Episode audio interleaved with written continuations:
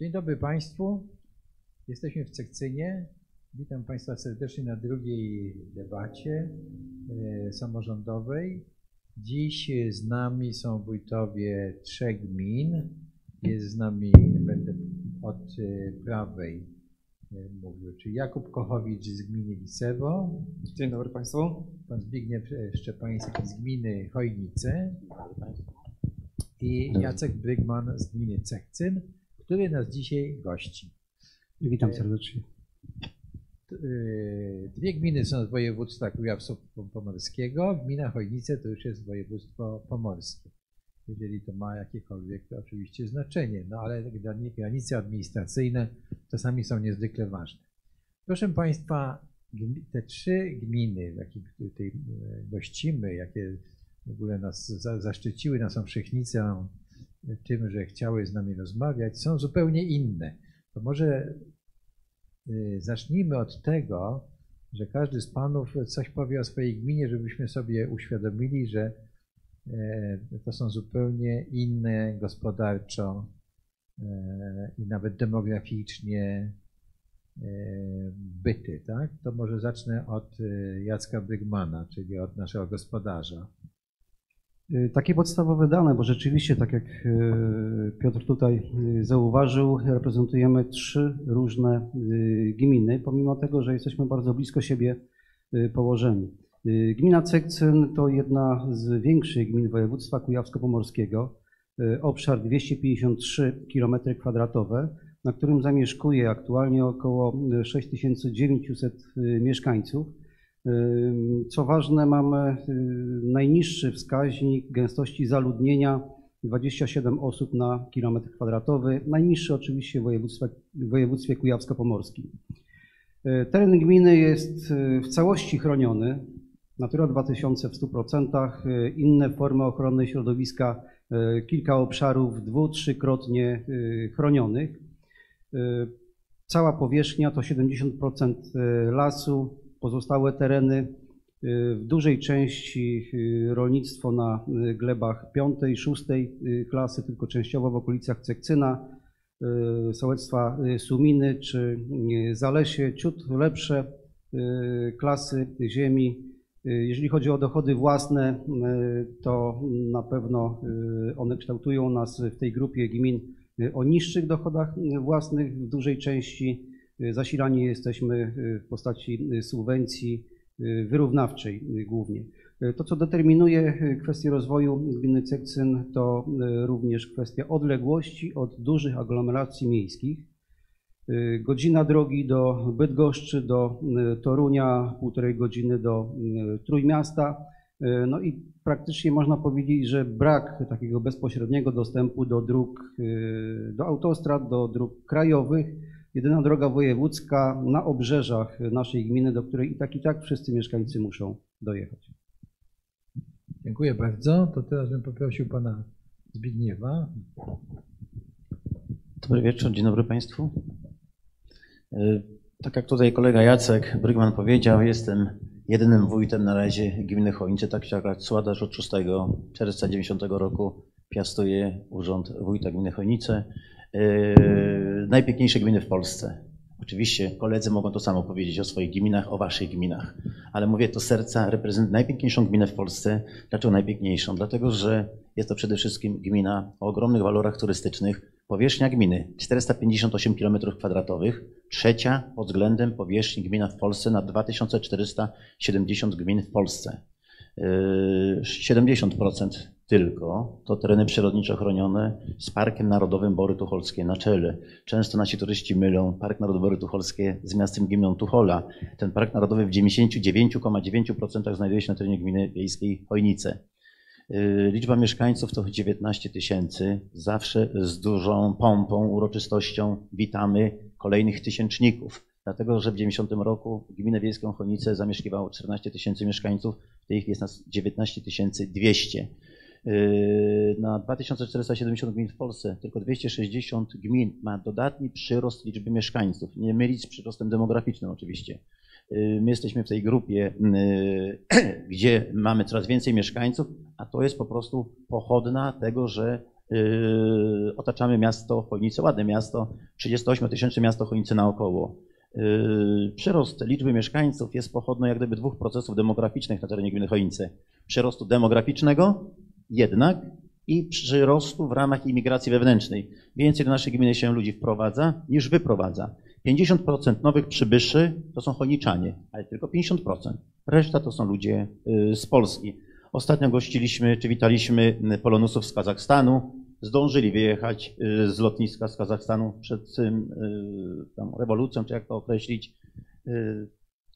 Y, to tyle może tytułem wstępu. Chcę tylko powiedzieć, że mamy też dodatni przyrost demograficzny. To jest rzadkość w Polsce.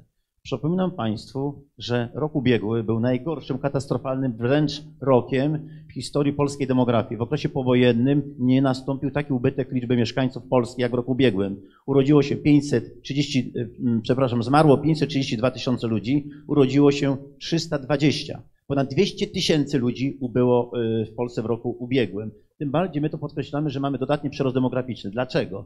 Dlatego, że y, naokoło Chojnic buduje się nowo, y, dużo nowych domów. Kto dzisiaj buduje nowe domy? Młodzi ludzie. To tak jak ptaszki. Najpierw wiją sobie gniazdko i potem decydują o przyjściu na świat pierwszego potomka czy kolejnego potomka. Stąd między innymi u nas zawsze od lat jest różnica, przewaga urodzeń nad zgonami. Z tego tytułu się cieszymy. Czyli trzecia powierzchni gmina w Polsce, 19 tysięcy mieszkańców, no i przede wszystkim przepiękne krajobrazy, przepiękny potencjał turystyczny, o którym wspomniałem. 50% powierzchni gminy to są użytki rolne. Użytki rolne. Natomiast reszta jeziora 10% jeziorności. 10%, 50 jezior. Z największym jeziorem jezioro Harzykowskie, tak, Harzykowa. Z dużym jeziorem Karasińskim w Spornygaciach. 50 jezior, 72 tereny przyrodniczo chronione, no i rdzeń Światowego Rezerwatu e, Biosfery Bory Tucholskie, który obejmuje też tutaj gminę Cekcyn, gminy e, Borów Tucholskich. Rdzeniem każdego Światowego Rezerwatu Biosfery Bory Tucholskie, który niedawno obchodził 11. rocznicę, zawsze jest rdzeń, czyli Park Narodowy Bory Tucholski z siedzibą w Harzykowach. Muszę też Państwu powiedzieć, że tak jak już tutaj kolega Jacek mówił o dochodach, no tak się akurat złożyło, że w 2000 roku byliśmy najbogatszą gminą w Polsce, tak? Gmina Wiejska Chojnice gdzie 6 maja nawet odbieramy jakieś trofeum, jakiegoś Oscara samorządowego dla najbogatszej gminy w Mikołajkach, co było dla nas ogromnym zaszczytem, ale to nie jest wyłącznie zasługa gminy Chojnice. Pośrednio tak, bo pewnie o tym będziemy mówili. Y, z tytułu tylko jednej transakcji sprzedaży y, firmy na terenie gminy Chojnice przez osobę fizyczną strefie gospodarczej ekonomicznej w Topoli pod Chojnicami gmina Chojnice zyskała 100 milionów złotych dochodu dodatkowego co zaowocowało dodatkowo 100 milionami inwestycji, które realizujemy na przestrzeni ostatnich trzech lat. Czyli taki zbieg okoliczności, trochę szczęścia, chociaż kolega burmistrz Chojnic, dr Arseniusz Inster mówi, że jestem urodzony w czepku, yy, ale tak do końca nie jest. Tak do końca nie jest, ale to o tym będzie pewnie jeszcze okazja mówić.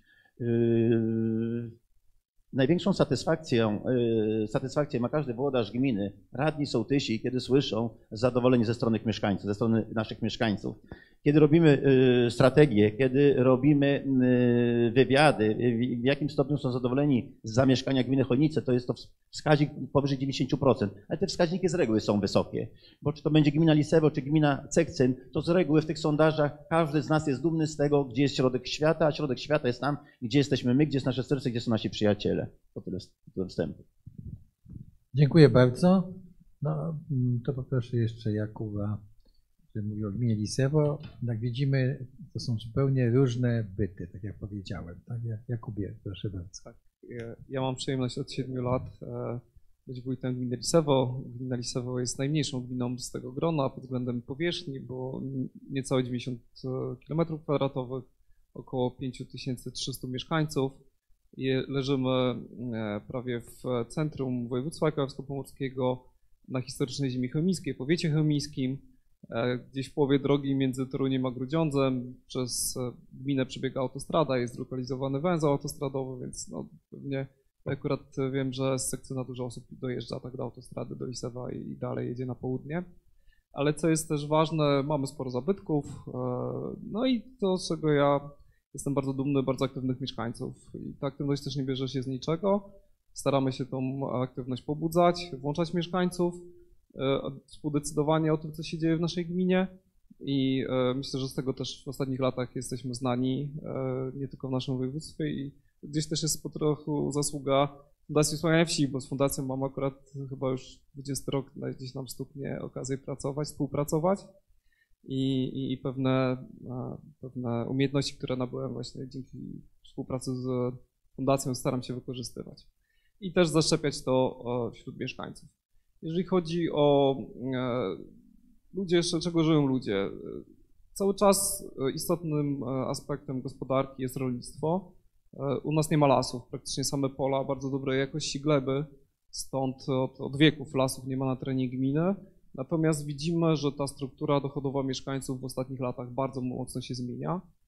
Rolników to jest około 200, 200 kilkudziesięciu gospodarstw rolnych. E, zatrudnionych w rolnictwie może być około 20-25% mieszkańców gminy. Reszta to są osoby, które e, albo pracują na miejscu, albo dojeżdżają do pobliskich miast, ale co też za tym idzie, zmieniają się oczekiwania mieszkańców, tak? Zmienia się rytm dnia, e, usługi, które są niezbędne, ale też godziny, w których te usługi są świadczone, więc to, to też determinuje nasze działania i też kierunki rozwoju, w którym też zmierzamy. No, nie rozwijaliśmy się, czy nie rozwijamy się może jeszcze tak dynamicznie, ale e, liczę na to, że właśnie wykorzystanie gdzieś tej szansy, którą jest autostrada, też przyniesie nam w perspektywie następnych lat korzyści i no, my akurat e, borykamy się z tendencją niestety mm, zmniejszania populacji mieszkańców gminy. E, nie wiem, czy uda nam się odwrócić całkowicie, ale mam nadzieję, że przynajmniej za 100 trochę powstrzymać i, i zmniejszyć ten procent, ale może też zachęcić ludzi, bo uważam, że mamy piękne położenie, piękne okolice, mm, świetny dostęp e, do infrastruktury, e, łatwość podróżowania, tak, do różnych miejsc. I to, to zdecydowanie są takie cechy, które e, no, mam nadzieję, że uda się nam wykorzystać i, i też spowodować, że, że ta gmina też będzie przez wielu postrzegana jako też taka gmina, która E, która wykorzystuje swoją szansę. Dziękuję bardzo. To.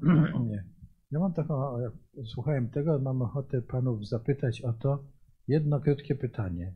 Taki najpiękniejszy czy najważniejszy budynek czy miejsce w waszych gminach, może byście wymienili, dobrze? Może w odwrotnej kolejności, może byśmy zaczęli od e, Jakuba u nas w Lisewie góruje nad, nad i nad gminą wieża kościoła z XIII wieku, wieża z XVI wieku, więc na pewno to jest taki e, budynek, który, e, z którym się ludzie identyfikują u nas. Chyba ją widać nawet za, za Tak jest, nawet za mną tak. jest dokładnie tak. Tak, a trudne pytanie. Znaczy słychać? Trudne pytanie. E, mamy około 50 obiektów w rejestrze zabytków czyli tej głównej mhm. Y, liść, liście czy ochrony zabytków. Nie mówię o ewidencji zabytków. I na przykład mamy y, najstarsze kościoły. Y, najstarszy kościół, piękny, drewniany, znajduje się drewniana więźba, drewniany dach, natomiast mury są murowane z 1396 roku budowane za czasów krzyżackich, tak zwani kosznajdrzy, tak? Mhm. To pojęcie dla Państwa na pewno nie jest obce, tak? Y, osadnicy niemieccy z okolic Osnabrück, tak dzisiaj przy Holandii, wyznania rzymskokatolickiego, y, osiedlali się, tutaj na dobrych ziemiach między Tucholą, Sempólnem, Chojnicami. Y, przed wojną niektóre wioski w gminie Chojnicy były zamieszkiwane przez obywateli polskich, ale narodowości niemieckiej w 90%, typu Ostrowite, Osterwik. W Ostrowite mamy przepiękny kościół z 1402 roku, tak? 1402 roku. Przepiękne, zabytkowe kościoły, taka historia tych ziem Kosznajderii. Natomiast no, na terenie gminy już z, późnego, z późniejszego okresu, bo dosyć dobre ziemie, województwo pomorskie, jeśli chodzi o bonitację gleb, to najbogatsze gleby to są Mady Żuławskie, a potem właśnie te ziemie tutaj, od Chojnic na południe, w kierunku Tucholi Sempulna. Mamy tutaj drugą klasę, trzecią klasę ziemi, stąd między innymi tutaj w okresie międzywojennym powstały liczne zespoły pałacowo-parkowe, czy jeszcze za czasów zaboru pruskiego, tak? Za czasów, czyli te pałacyki y, typu klinika Krojanty, piękny pałacyk, pałacyk z Beniny. W tej chwili, jak Państwo będziecie dojeżdżali y, do Chojnic, przed Chojnicami, powstaje hotel cztero- czy pięciogwiazdkowy y, w zespole pałacowo-parkowym w Pawłowie. Y, Natomiast no tutaj w jakiś sposób też musimy się pochwalić jako gmina. Te wszystkie pałacyki w większości dostaliśmy po prywatyzacji PGR-ów za darmo od Agencji Nieruchomości Rolnej. Oczywiście te pałacyki były w większości zamieszkałe przez mieszkańców, dla których oczywiście większą wartością było y, nowa meblościanka niż stare antyczne meble. Stąd między innymi gmina przejmując te różne pałacyki, w latach 90, no, prywatyzację PGR-ów 92, y, to y, wysiedlaliśmy y, te pałacyki, dając mieszkańcom mieszkania z reguły o lepszym standardzie, czyli nie było sprzeciwu i wtedy w procedurze przetargowej sprzedawaliśmy te pałacyki na cele publiczne, na cele publiczne i to też jest taka wizytówka gminy Chojnica, ale tylko jeszcze dodam, że nie wszystko nam się udało, nie wszędzie się uda. Mamy 50 yy, jezior, mamy łącznie 3,5 tysiąca hektarów jezior łącznie. Natomiast, Szanowni Państwo, mamy 100 tysięcy turystów rocznie. Yy, w Harzykowach, w Słodnegaciach latem o miejsce turystyczne to jest problem, to jest problem. Także dużo podmiotów turystycznych w tej chwili powstaje, hotele się planuje, ale nie o tym chcę mówić. W Chocińskim Młynie był piękny tartak drewniany, piękny młyn. Niestety na naszych oczach, a kieruje gminą prawie 32 lata w tej chwili, tak? 32 lata w czerwcu. Nie udało nam się uratować tych y, pałacyków, y, tych obiektów zabytkowych. To jest coś przepiękne. Rozmowy z, z konserwatorami zabytków w Gdańsku, w Gdańsku Yy, spełzły na niczym, bo yy, diagnoza tych obiektów zabytkowych 25 lat temu na przykład była taka, że stan techniczny jest w tak fatalnym stanie, że żadną decyzją administracyjną już nie można przymusić właściciela prywatnego do jego rekonstrukcji. Natomiast oczywiście yy, chcieliśmy wykupić za, za różne pieniądze, nie udało się. Na naszych oczach takie piękne obiekty, na przepięknej rzece Chocinie, Spławna, kajakowa rzeka, przepiękna, gdzie y, żyją dużo okazy pstrągów, no niestety na naszych oczach nam to y, umiera. I to jest na przykład nasza porażka. Dziękuję bardzo. To jeszcze prosiłbym Jacka Bydmana. No skasowali mnie koledzy teraz i to nieźle. Tutaj tereny y, borowiackie z uwagi na to położenie, na jakość gleb, na ilość tych lasów, to były dosyć skromne tereny i tu generalnie mieszkańcy musieli się nauczyć Y, no, gospodarności y, dużej, jeżeli chodzi o takie obiekty zabytkowe. My mamy y, jeden też kościół neogotycki tutaj z końcówki XIX wieku w Cekcynie. Poza tym około 160 obiektów wpisanych w ewidencji zabytków. E, a z innych takich obiektów, o których trzeba by powiedzieć, to na pewno rezerwat Cisów Staropolskich imienia Leona Wyciółkowskiego w Wierzchlesie. To, to drugi co do wielkości w Europie rezerwat Cisów, gdzie można spotkać właśnie 700-letnie cisy, ale do tego też inne gatunki drzew wiekiem i wielkością swoje, swoją niespotykane w innych miejscach. Y, no, szkoda, że niestety, ale od dwóch lat y, rezerwat jest zamknięty z uwagi na bezpieczeństwo y, osób, także w tej chwili można go zwiedzać wirtualnie. No, mam nadzieję, że, że w przyszłości uda się z właścicielem tutaj, z lasami państwowymi uzgodnić kwestię ponownego otwarcia tego rezerwatu, bo to rzeczywiście jest taka perełka. E, jeżeli chodzi o inne obiekty, no to również, tak jak kolega Zbyszek mówi, 50 jezior, u nas 23 jeziora, wielkością mniejsze oczywiście, ale czyste. Tutaj nasze największe jezioro, Wielkie Cekcyńskie, 123 hektary, 3 kilometry, taka rynna, zagospodarowane, turystyczne, co widać tutaj na tym folderze i obiekty, które powstały niedawno, szczególnie jeżeli chodzi o y, obiekty edukacyjne, y, hala sportowa, gimnazjum, y, boiska sportowe, też częściowo w trakcie realizacji i nowy budynek przedszkola, czyli taki kompleks edukacyjny. Jeszcze by może dopełnił moją wypowiedź. Pewnie dzisiaj do tego byśmy nie, nie dopuścili, ale to były inne czasy, za czasów poprzedniego systemu. Wtedy to studiowałem. Y, jedyną formą ratunku obiektów zabytkowych, kulturowych y, była skansenizacja, czyli y, tworzenie skansenów. I to dobrze, że te skanseny powstawały, czyli centralizacja obiektów kulturowych w ramach skansenizacji. I na przykład taką perełką skansenu kaszubskiego we Wdzycach Kiszewskich, pewnie Państwo byliście, jest kościół. Jest kościół drewniany, czynny kościół. za czasów y, biskupa, naszego biskupa chełmińskiego wtedy, bo to była diecezja chełmińska, y, Mariana Przykuckiego, y, był postawiony przez kurię jeden warunek. Ten kościół drewniany pochodzący ze Sforny Gaci, ze Sforny Gaci, y, musi być kościołem czynnym. Oczywiście w międzyczasie już kościół murowany z 1909 roku pod wezwaniem świętej Barbary już stał. Jak dobrze pamiętam, to rozebranie tego kościółka i y, złożenie go we Wdzydzach to był chyba 1968 rok, jak dobrze po prostu y, pamiętam. Czyli to była taka perełka, gdzie dzisiaj absolutnie byśmy nie dopuścili do jego dyslokacji, ale wtedy to była forma y, ratunku, tak? Wtedy to była forma ratunku. No, y, panowie tutaj poruszyli kwestię zabytków. Ja e, no myślę, że e, rzeczywiście trzeba o nie dbać, że to jest niezwykle istotne. Mamy ich w Polsce niewiele, że to jest naj, najistotniejsze. Proszę Państwa, mamy tutaj trzech wójtów. Ja jeszcze tylko przypomnę, że wójtów gmin wiejskich w Polsce jest około 1500, 1000, tak, mniej więcej.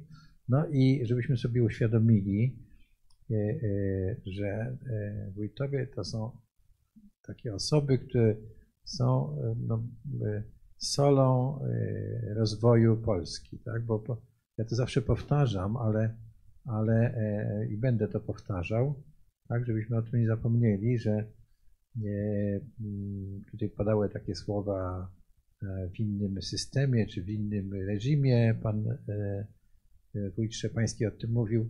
Tak, że e, my żyjemy od 30 lat w, epoce zmian. Tak? I wtedy jedną z tych najważniejszych zmian było to, że powstały samorządy, że weszła w życie ustawa samorządowa i pamiętam te dyskusje, jakie się toczyły, bo wcale nie było tak, że nawet w tej e- ekipie nowej byli ludzie, którzy mówili, jak to? No my, państwo ma oddać władzę samorządom, co to w ogóle będzie, prawda? to będzie katastrofa- dla, dla kraju i tak dalej, i tak dalej. Potem następne dyskusje były takie, e, podobne dyskusje były przy e, reformie eduka- edukacji, kiedy ja pamiętam, jak nawet przedstawiciele Związku Nauczycielstwa, Polskiego mówili, jak to, no wójt będzie uczył moje dzieci, co to w ogóle jest, tak?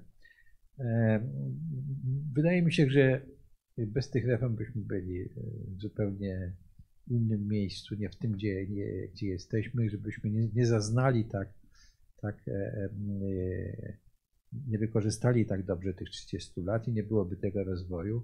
I tak jak mówię, prawda, to e, ci li- liderzy gmin wiejskich to są no, tacy ludzie, którzy, czy w ogóle samorządowcy, do tego by trzeba było zaliczyć też prezydentów miast, prezydentów burmistrzów, byśmy byli zupełnie gdzie indziej, oni są solą ziemi, więc trzech z nich mamy właśnie przed sobą, tak, i bardzo różnym s- stażem.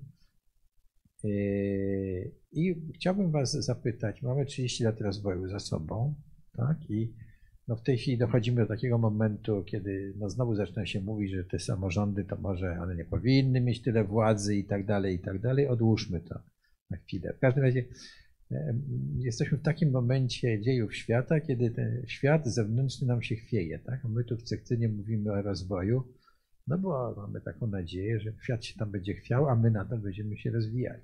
Więc porozmawiajmy o tym rozwoju. Mam takie pytanie do Was. e, o, właśnie o ten rozwój, rozwój lokalny. Tak? Czym dla Was jest rozwój lokalny? Bo na poprzedniej debacie no, y, dużo wypowiedzi świadczyło y, prawda, o tym, że najważniejsze jest to, żeby y, było zaspokajanie potrzeb mieszkańców. Zresztą ustawa samorządowa o tym mówi, ale jednak no, ten rozwój musi być jakoś zaplanowany i musi postępować. Więc powiedzcie mi, jakby jak wy sobie to definiujecie w swoim, e, jak idziecie spać, czy myślicie o swojej gminie, to tak powiedzmy tam po, po, po dwie, trzy minuty, tak, jak wy to definiujecie sobie, co to jest ten rozwój lokalny. To zacznę może od Jacka, e, teraz Bydmana w tę stronę. No jak idziemy spać, czasami myślimy, tak, ja w urzędzie mówiłem ze trzy dni temu, że śniło mi się, że dostaliśmy ogromną dotację, ale nie pamiętam na co to było, czy na drogi, czy na kanalizację, bo, bo takie wnioski będziemy składali i oby to był proroczy sen, bo potrzeby oczywiście są duże. Yy, Czym według mnie rozwój yy, lokalny? No, Na pewno jest to y, ogół przemian, które dokonują się na danym obszarze, w tym wypadku gminy, czy, czy szerzej patrząc powiatu województwa. Rozwój lokalny to też, no, przynajmniej tak w mojej definicji, to jest, to jest racjonalne wykorzystanie zasobów, zarówno tych materialnych, jak i niematerialnych, które służą y, mieszkańcom. Y, To jest poprawianie y, infrastruktury, warunków życia w różnych dziedzinach edukacji, sportu, zdrowia, kultury y, i tak Ale no nie jest, to na pewno nie może to być też kwestia patrzenia na rozwiązywanie takich bieżących problemów, które są. To musi być też y, powiązane y, z wizją patrzenia y, w przyszłość rozwoju danej gminy, bo no, zdarzają się, się przypadki nietrafionych zadań, nietrafionych wyzwań, które samorządy czasami podejmują, bo wydaje, mi się, wydaje im się, bo, bo jest nacisk społeczny i później inwestują czasami w rzeczy nie do końca przemyślane i problem jest z ich utrzymaniem. Ja zawsze mówię, że dużą sztuką jest wykonać jakieś zadanie, zrealizować jakąś y, inwestycję, ale jeszcze większą sztuką będzie odpowiednie jej wykorzystanie, zagospodarowanie, y, to, żeby y, za bardzo to zadanie, które zostało zrealizowane, nie, ciążyło na, na finansach samorządu. Czyli to, to racjonalne takie myślenie i patrzenie w przyszłość. Dziękuję bardzo.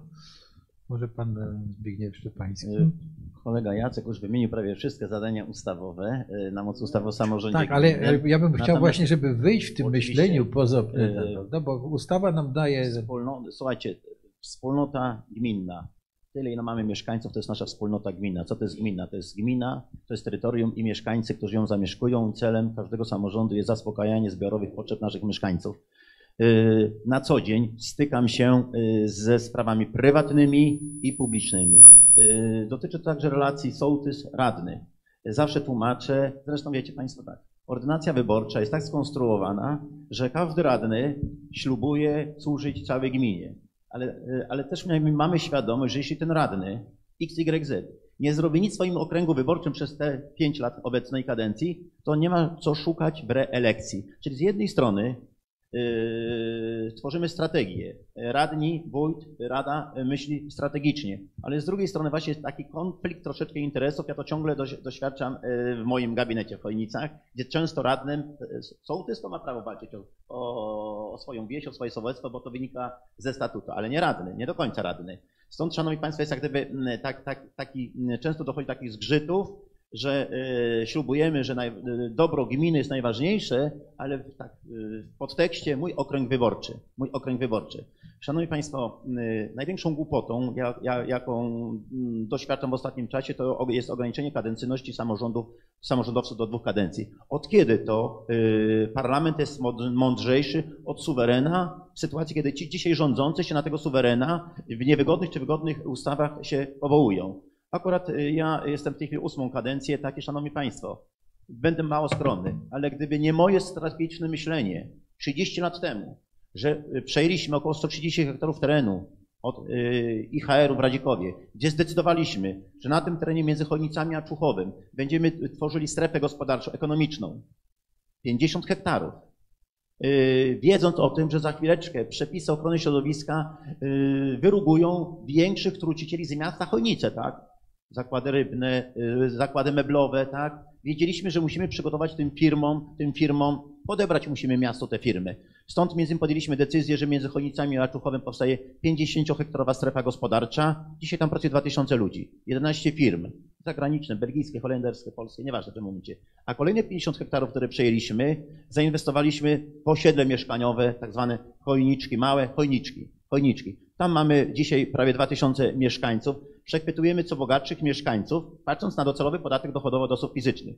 Jeszcze niedawno, 6 lat temu, podatek dochodowy od osób fizycznych w gminie Chojnice yy, wynosił 5 milionów, w tej chwili yy, no, w tym roku jest około 30 milionów. Podatek dochodowy od osób fizycznych. Większy jak w mieście Chojnice, chociaż miasto jest dwukrotnie większe pod względem demograficznym. Czyli mm, wracając y, do pytania, y, czym jest rozwój? Rozwój to jest podejmowanie szereg działań strategicznych, nie zapominawszy o bieżącym rozwiązywaniu problemów mieszkańców. Bo wierzcie mi, nas mieszkańcy oceniają przez pryzmat własnego okna. Co widzą z naszego okna? To, że jest tam zakopany wodociąg, kanalizacja, to jest istotne, ale najbardziej nas oceniają przez prowyborcze inwestycje, jak- jakim są drogi.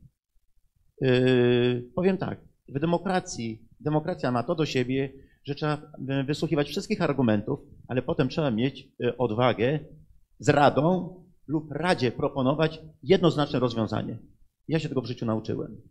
Szanowni Państwo, yy, dwukadencyjność. Cóż to oznacza dzisiaj? Pierwszą kadencję każdy młody wójt naprawdę musi się uczyć doświadczenia. Musi się uczyć. A kolejna kadencja yy, to pewnie zabezpieczenie na przyszłość. No, trzeba utrzymać rodzinę, trzeba się w jakiś sposób zabezpieczyć. Ja nie mówię o lewych interesach, nic z tych rzeczy. Tylko mówię, Szanowni Państwo, niedawno proponowałem yy, funkcję wicewójta bardzo dobrze zapowiadający mi się prawnikowi.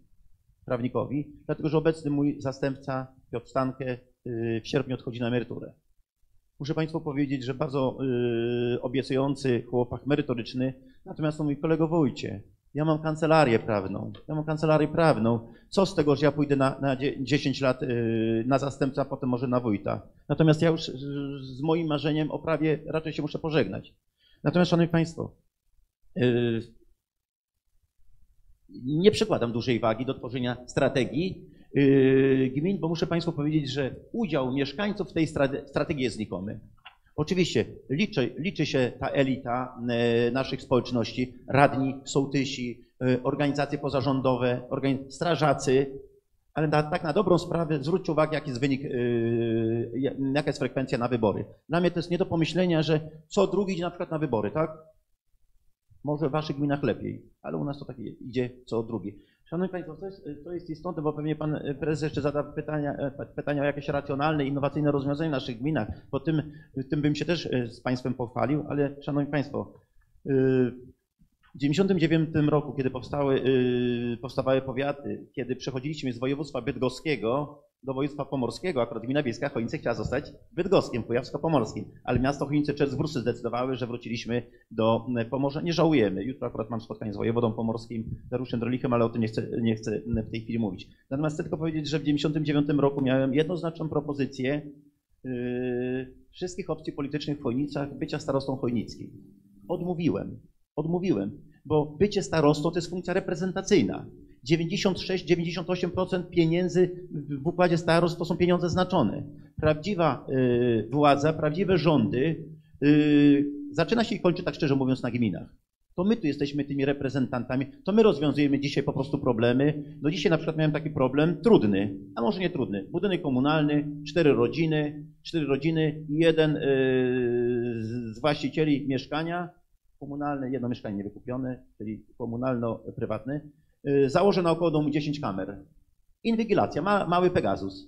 Oczywiście damy pismo, że w ciągu dwóch tygodni kamery wszystkie mają zniknąć, bo one tam mogą być za zgodą wszystkich stron, a nie, że jeden współwłaściciel budynku. Natomiast, Szanowni Państwo, y, kiedy jesteśmy wybierani w wyborach bezpośrednich, najbardziej trudny pracodawca to są wyborcy.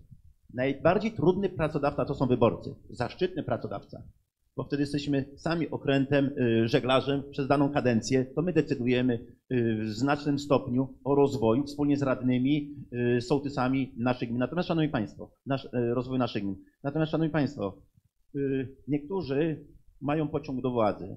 Ja tej władzy mam potąd.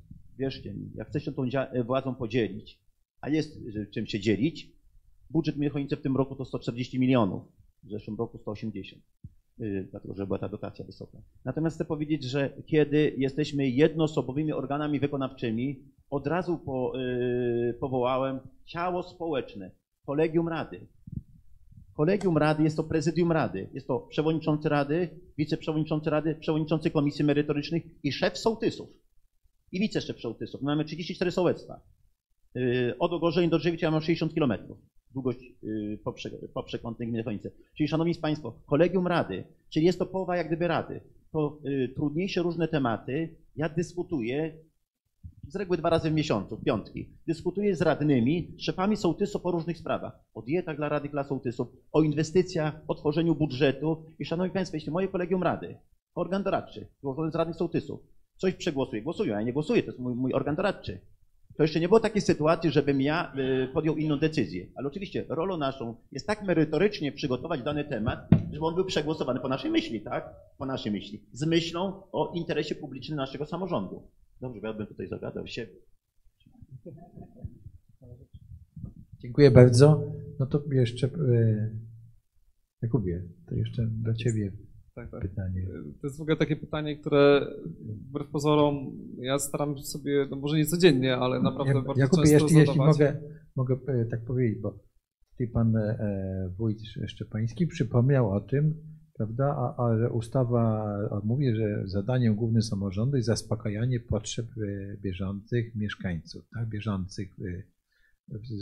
No ale trzeba myśleć o tym rozwoju, więc właśnie jak sobie z tym, z tym radzić? No pan Zbigniew Szczepański, Jacek coś nam o tym powiedzieli, no i e, więc, no tak, bo to trochę się wychodzi troszkę poza zadania ustawowe, w tym ja, to moje pytanie mówi, tak? Powiem, co ja zrobiłem No. i jak, e, jak ja sobie zacząłem definiować rozwój i, i swoją tak naprawdę wizję rozwoju mojej gminy i, i to, gdzie chcę, żeby była, akurat w przypadku gminy Lisowo w roku 2030, o tym trochę powiem za chwilę, ale kiedy startowałem w wyborach, no to był ten pierwszy moment, kiedy, kiedy trzeba było się zastanowić, no, no po co w ogóle startować, tak? Żeby tylko być, no to nie ma sensu, tak? Ale żeby coś zrobić, żeby wiedzieć dokąd trzeba, dokąd się zmierzam, to trzeba sobie odpowiedzieć na to pytanie, tak? Czego się chce i w jakiej perspektywie. I e, zaczynając rozmowy z mieszkańcami, analizując, robiąc ankiety, e, ja podzieliłem sobie e, moją rolę, czy, czy zadanie, które chciałbym realizować na dwie, na dwie takie grupy. Na zadania tak zwane bieżące, o czym tutaj e, pan wójt przed chwilą mówił, czyli drogi, infrastruktura, która jest ważna, ale też zacząłem, e, zadałem sobie to pytanie, zadałem też mieszkańców, co, co według was oznacza rozwój. I zdefiniowaliśmy ten rozwój i, i rozwój gminy, tak, e, Lisewo, oparłem na kilku fundamentach. Pierwszy fundament to jest właśnie mieszkalnictwo. U nas jest cały czas, ale już powoli rozwiązujemy ten problem. E, Brak terenów do rozwoju mieszkalnictwa, tak? E, Pod zabudowę zarówno jednorodzinną, jak i wielorodzinną. W ostatnim czasie powołaliśmy nawet spółkę, która ma budować też e, budynki wielorodzinne. Drugim filarem to jest rozwój gospodarczy. Wykorzystanie właśnie potencjału, jakim jest chociażby węzeł autostradowy, który był przez lata niezauważalny. I też budujemy taką strefę. Mamy pierwszego inwestora. Mam nadzieję, że jeżeli nie w tym, to w przyszłym roku rozpocznie się budowa e, zakładu, który mam nadzieję, że też spowoduje, że młodzi ludzie, którzy dzisiaj odpływają z gminy, tak, bo nie ma pracy, a nie było gdzie się budować, e, zechcą w tej gminie zostać. I trzecim bardzo mocnym filarem, o którym już wspomniałem, to jest społeczeństwo obywatelskie. To absolutnie uważam za fundament, żeby to mieszkańcy mieli jak najwięcej tej władzy, o którym też tutaj e, mój przedmówca mówił, bo e, wychodzę z założenia, że ludzie czują się odpowiedzialni za to, co tworzą. I e, chcąc, e, można powiedzieć, jaki to jest rozwój, tak, że mieszkańcy decydują. Moim zdaniem jest ogromne, bo to poczucie współodpowiedzialności, nie ma czegoś takiego, że ktoś przychodzi do wójta i mówi, a bez sensu to zrobiliście, tak? Trzeba było to zrobić tak i tak. Bo my najczęściej, kiedy podejmujemy decyzję o inwestycjach, e, czy zagospodarowaniem jakiejś przestrzeni, e, to robimy konsultacje i nie takie, wiecie, ankietowe, że tam się zbierze kilka pomysłów, a potem robimy to, co, to, co my uważamy, tylko rzeczywiście siedzimy z mieszkańcami i angażujemy ich, co powoduje później, że ci mieszkańcy bardzo często też się włączają w wykonanie pewnych zadań, tak, które są możliwe, tak. Nie zawsze bierzemy firmę i, i robimy przetarg, Mm, więc te trzy filary, mam nadzieję, że w 2030 roku, jak się spotkamy, będę mógł powiedzieć, zgodnie z tym, co wypracowaliśmy, my akurat podeszliśmy do strategii e, bardzo w taki sposób też partycypacyjny. Nam się udało prawie no, ponad 900 osób naliczyliśmy na żywo, chyba 800 się spotkało w ciągu ponad roku czasu pracy nad strategią. E, I e, doszliśmy do wniosku, że w 2030 roku chcemy, żeby Lisewo było gminą, w której mieszka się wolniej, ale mieszka się trochę jak w mieście, gdzie jest dobry poziom usług, gdzie jest e, bliski dostęp tak, do, do tych usług, A z drugiej strony są miejsca pracy, są miejsca wypoczynku i jest po prostu gdzie się spotkać i gdzie jest miło spędzić czas. A z drugiej strony właśnie są, mamy, mamy dodatkowych mieszkańców. Też pewnie stawiamy na młodych, tak? Może tych, którzy gdzieś tam szukają swojego miejsca. E, Chcemy dać im pracę i chcemy, żeby mieli dobrą jakość usług, tak? I to jest mój pomysł na rozwój, który no, wydaje mi się, że krok po kroku na pewno dwie kadencje nie wystarczą. Zgadzam się w 100%, że to, że to jest zbyt mały, mało czasu, żeby, żeby móc cokolwiek zrealizować. Można zacząć, można mm, e, jak gdyby pchnąć coś do przodu, ale na pewno nie da się tego skończyć. I, i, I też jak gdyby podkreślając to przywiązanie do mieszkańców, uważam, że to mieszkańcy powinni decydować. Nawet jeżeli źle decydują, to jest ich wybór i ich suwerenna decyzja i nikt nie powinien za nich e, mówić o tym, czy ktoś dobrze spełnia swoją rolę, czy nie. tylko jeszcze dopowiedział w kontekście tego, tego, co powiedziałem. Oczywiście inwestycje twarde, majątkowe to jest ważny element rozwoju społeczno-gospodarczego danej gminy. Zwróćcie też Państwo uwagę, że rozwój społeczny jest mocno powiązany z rozwojem gospodarczym i na odwrót. Bo jeśli jest mocny rozwój gospodarczy, to nie mamy klientów w GOPS-u, to mamy podatki na rozwój społeczny. W 80% nasze zadania ustawowe to jest rozwój społeczny. Natomiast chcę tylko powiedzieć, że y, Gmina Wiejska Chojnice y, chyba w Polsce ma najwyższe konta sołeckie. Stawiamy na y, społeczeństwo obywatelskie. W jaki sposób, w jakiej formule to się przejawia? Nie korzystamy z tej rządowej jałmużny, tak zwanych kont sołeckich, bo to jest rządowa jałmużna. Y, Przy naszej dochodowości tak dwie trzecie byśmy musieli oddać. Y, Księgowa by więcej kosztowała niż y, jedna trzecia tego konta sołeckiego by została w budżecie gminy Chojnice. Natomiast mamy własne środki, my to nazywamy konta sołeckie. To są środki wydzielone w budżecie do dyspozycji sołec. Jest pracownik merytoryczny, który zajmuje się rozliczaniem sołec. Każde sołectwo, łącznie nasze sołectwa dostają 2,5 miliona złotych do wyłącznej dyspozycji. 134 zł na mieszkańca. 134 zł na mieszkańca. Jest, szanowni Państwo, to mieszkańcy na zebraniach wiejskich, na przykład miejscowość Harzykowa ma 2000, 134 zł, to pomnóżcie, to tam jest ile? 260 tysięcy, tak? Około. Yy, rocznie konta sołeckiego. Natomiast, szanowni Państwo, wie- co za tym idzie, yy, za tymi pieniążkami? Odpowiedzialność sołec. Kiedy mamy zebrania wiejskie, to yy, nasze świetlice są pełne mieszkańców. No w zeszłym roku ze względu na covid ich nie organizowaliśmy. W tym roku jeszcze nie, wi- nie wiadomo, jaka będzie sytuacja. Dlatego, że u nas nasi mieszkańcy decydują o kolejności inwestycji, na przykład drogowych. Yy, Sołectwo Harzykowy, 2000 2000 mieszkańców, ma całą strategię na chyba na 8 lat, jakie drogi po kolei będą robione. W tym roku za 5 milionów. Ileś tam dróg jest robione. To mieszkańcy decydują, niedawno w Sławęcinie, dwa lata temu była decyzja mieszkańców, czy ulica Pszczelna, czy Dworcowa. Przegłosowano, czyli wtedy mobilizują się całe rodziny. Całe rodziny. To zebranie wiejskie decyduje o kolejności niektórych inwestycji w danej miejscowości, na przykład dróg. Natomiast yy, wymyśliłem kiedyś przed laty program budowy dróg 2 do 1. On świetnie funkcjonuje. Czyli jeśli z tego konta sołeckiego mogą zbierać, kumulować te pieniądze przez lata. I z tego konta sołeckiego y, sołectwo y, przeznaczy jakieś pieniądze, nie wiem, na ogródek jordanowski, na, ogródek jordanowski dokładamy 1 do 1, czyli jak gdyby stymulujemy środkami z budżetu państwa inwestycje sołeckie, na których nam zależy. Yy, Istotą gmin wiejskich, gdzie nie mamy swojej siedziby, centralnej miejscowości jest zrównoważony rozwój.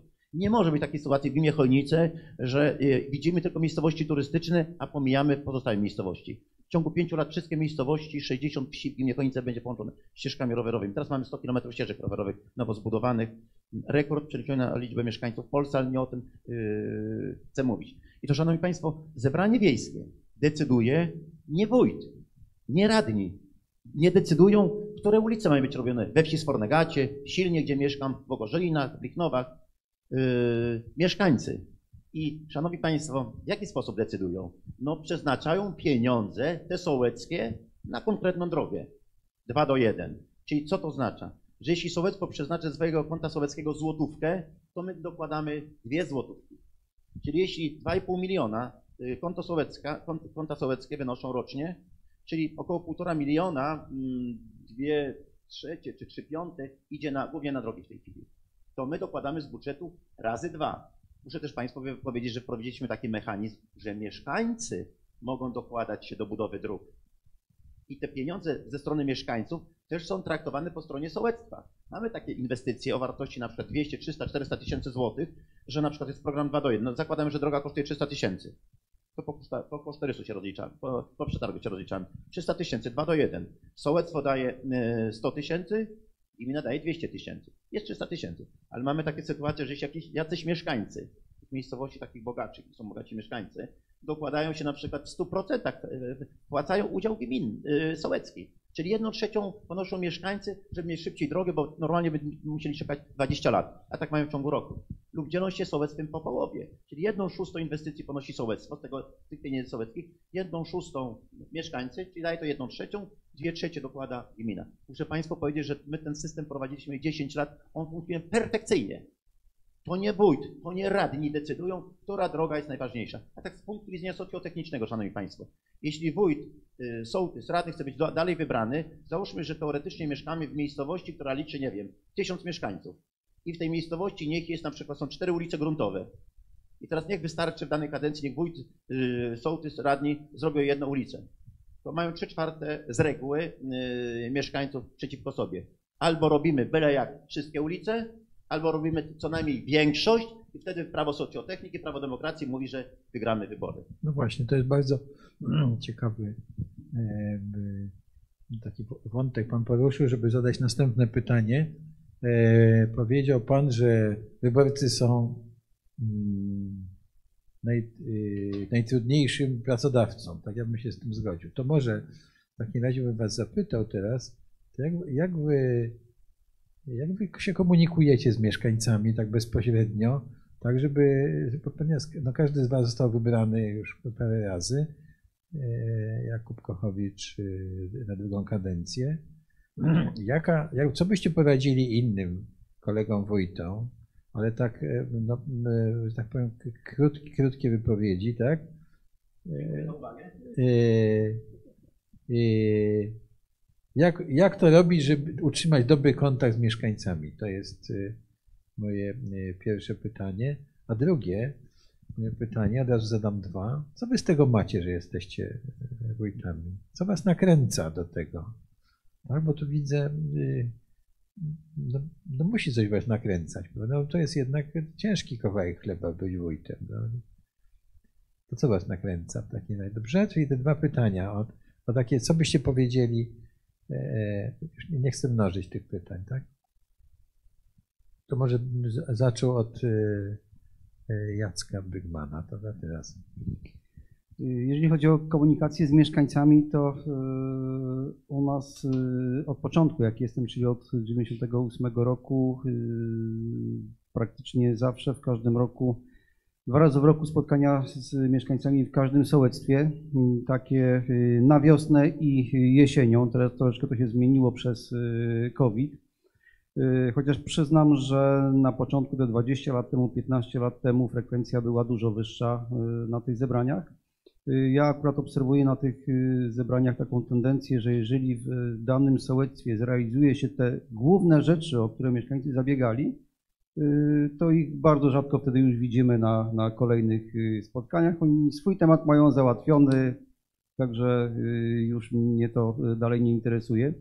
Y, Jeżeli jest y, potrzeba w danym sołectwie i są zgłaszane takie wnioski od sołtysów czy od y, mieszkańców, to też jakieś y, spotkania tematyczne y, w trakcie. Jeżeli chodzi o inną y, komunikację, no y, ja przyznaję, że, że y, niestety mało wykorzystuję pewnie te nowe techniki, czyli kwestia Facebooka, innych możliwości takich, bieżące komunikaty oczywiście przez system SMS-owy, ale to w większości gminach pewno jest realizowany. W poprzednich latach też co kwartał wydawaliśmy biuletyn. Y, Teraz y, też troszkę rzadziej, teraz tak średnio dwa razy w roku biuletyn informacyjny, gdzie te najważniejsze informacje są y, przekazywane. No i czy- oczywiście, jak pewnie większość gmin w Polsce wiejskich, wykorzystujemy ogłoszenia parafialne, czyli ważne rzeczy takie prosimy księży proboszczów, żeby ogłaszali. Jeżeli są ważne komunikaty jakieś takie do przekazania szybkiego takiego mieszkańców, to ten kanał też wykorzystujemy. Y, Jeżeli chodzi o to, y, co nam przynosi największą y, satysfakcję, no szczerze jak zaczynałem, to kiedyś dawno, dawno temu w Warszawie spotkałem już niestety nieżyjącego posła e, Ślisza z PSL-u i tak zobaczył takiego młodego chłopaka na, no to było dawno temu, nie? Y, na korytarzu Ministerstwa Rolnictwa i, pyta, co ty tu robisz, nie? No ja zagubiony oczywiście taki, bo nie pamiętam, czy pierwszy, czy drugi raz byłem w ogóle w ministerstwie tam, no i mówię, że jestem wójtem takiej gminy, tak mnie poklepał po ramieniu i, i mówi, chłopie, jak będziesz miał miękkie serce, to musisz mieć twardą dupę, bo y, zobaczysz, że y, zra, może zrealizować wiele zadań i wiele fajnych, pozytywnych rzeczy, ale nie oczekuj nigdy słowa podziękowania. I tego trzeba się nauczyć, trzeba te zadania realizować, nie załamywać się z tym kwestia podejścia oczywiście y, do tego, y, nigdy nie oczekiwać tego podziękowania. Jeżeli ono jest, to bardzo dobrze, to na pewno pomaga. To, co mnie na pewno nakręca, to no przede wszystkim to, że mamy bardzo, przynajmniej ja, ja tak oceniam, tu mam radnych, nie to, żebym chciał teraz świecić, ale to, że mamy od kilku kadencji bardzo y, dobrą atmosferę w samorządzie, bardzo dobrą y, współpracę z radnymi, z sołtysami, y, z y, przedstawicielami y, stowarzyszeń, y, że y, nie ma jakichś złośliwości, nie ma polityki. W wielu gminach wiejskich nie ma polityki. To jest tak, taka różnica pewnie y, z y, gminami miejskimi czy, czy z dużymi y, miastami.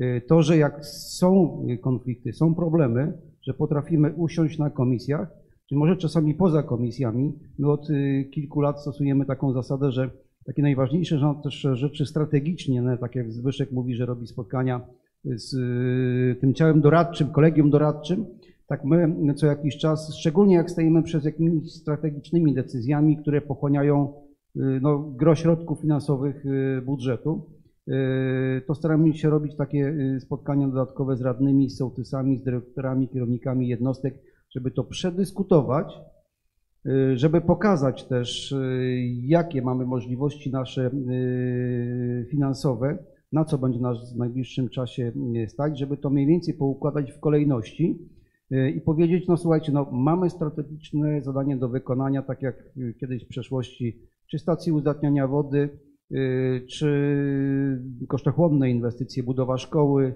y, hali sportowej. Teraz stoimy przy taką dużą e, inwestycją budowa kolektora ściekowego do e, Tucholi, który będzie, szacujemy, że będzie kosztował około 10 milionów.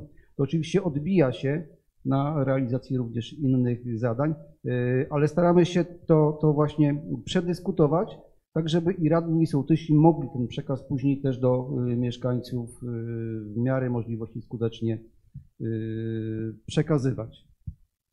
Tak bez ciekawości jeszcze, jeśli, jeśli pan, e, panowie pozwolą, chciałbym zapytać e, pana Wygmana, jak to kolektor ściekowy do Tucholi? Ile kilometrów jest do Tucholi?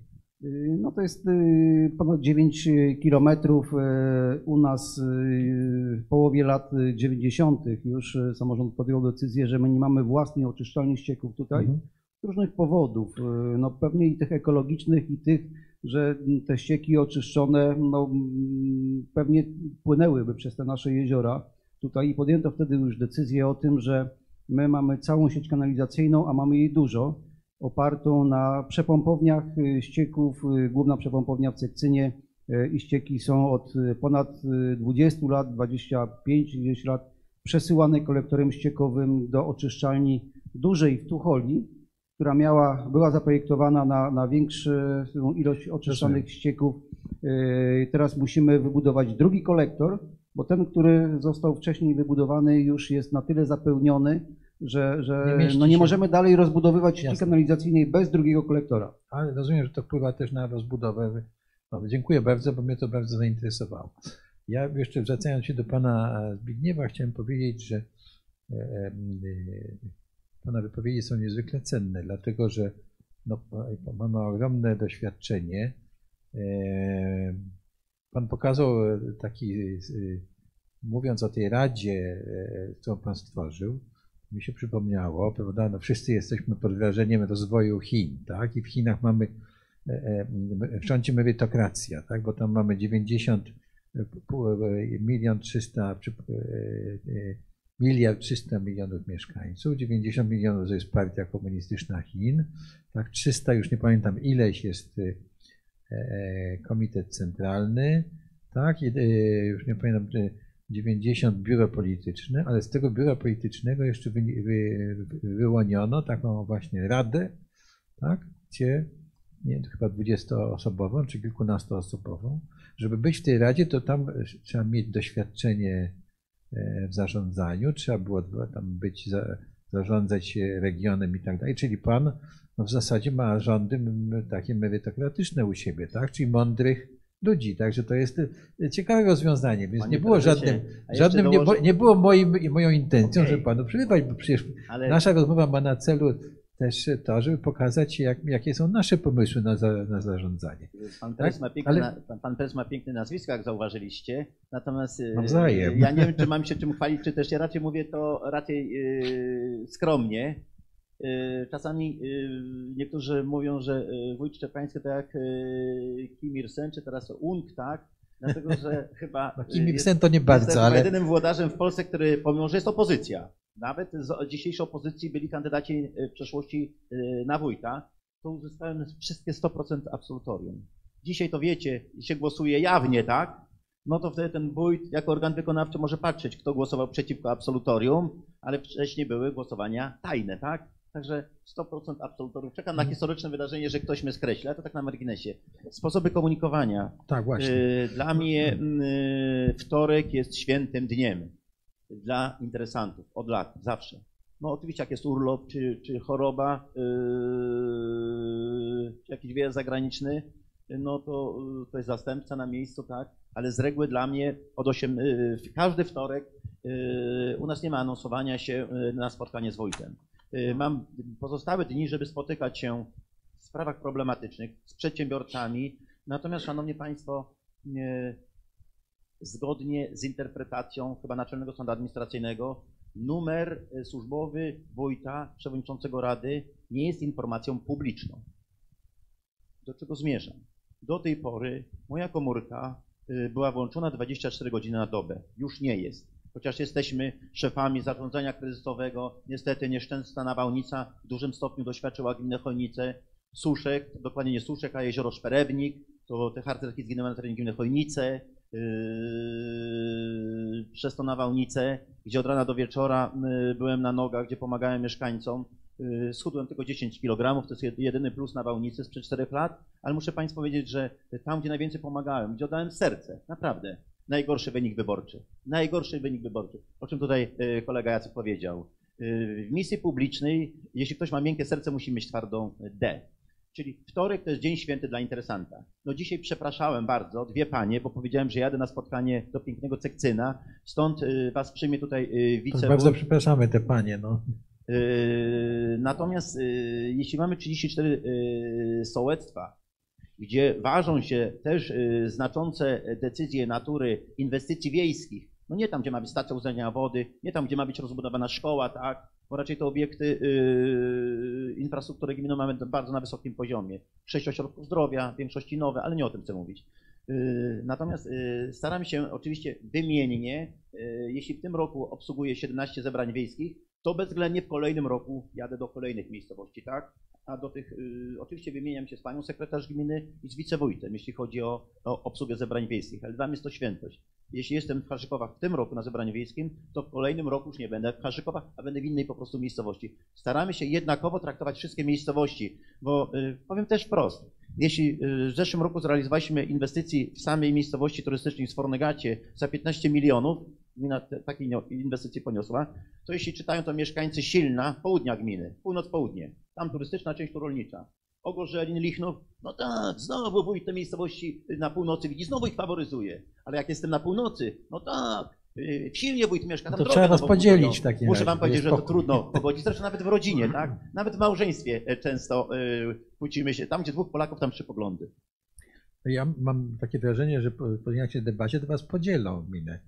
Na, na dwie, Y, muszę albo pani- janosikowe będziecie Panie płacić prezesie, y, miasto Chojnice od lat, kolega burmistrz, kolega, Nieraz toczyliśmy wojny na styku miasto, gmina o różne rzeczy, o różne rzeczy. O komunikację miejską, y, o galerię, pod Chojnicami galeria jest oczywiście na terenie gminy Chojnice.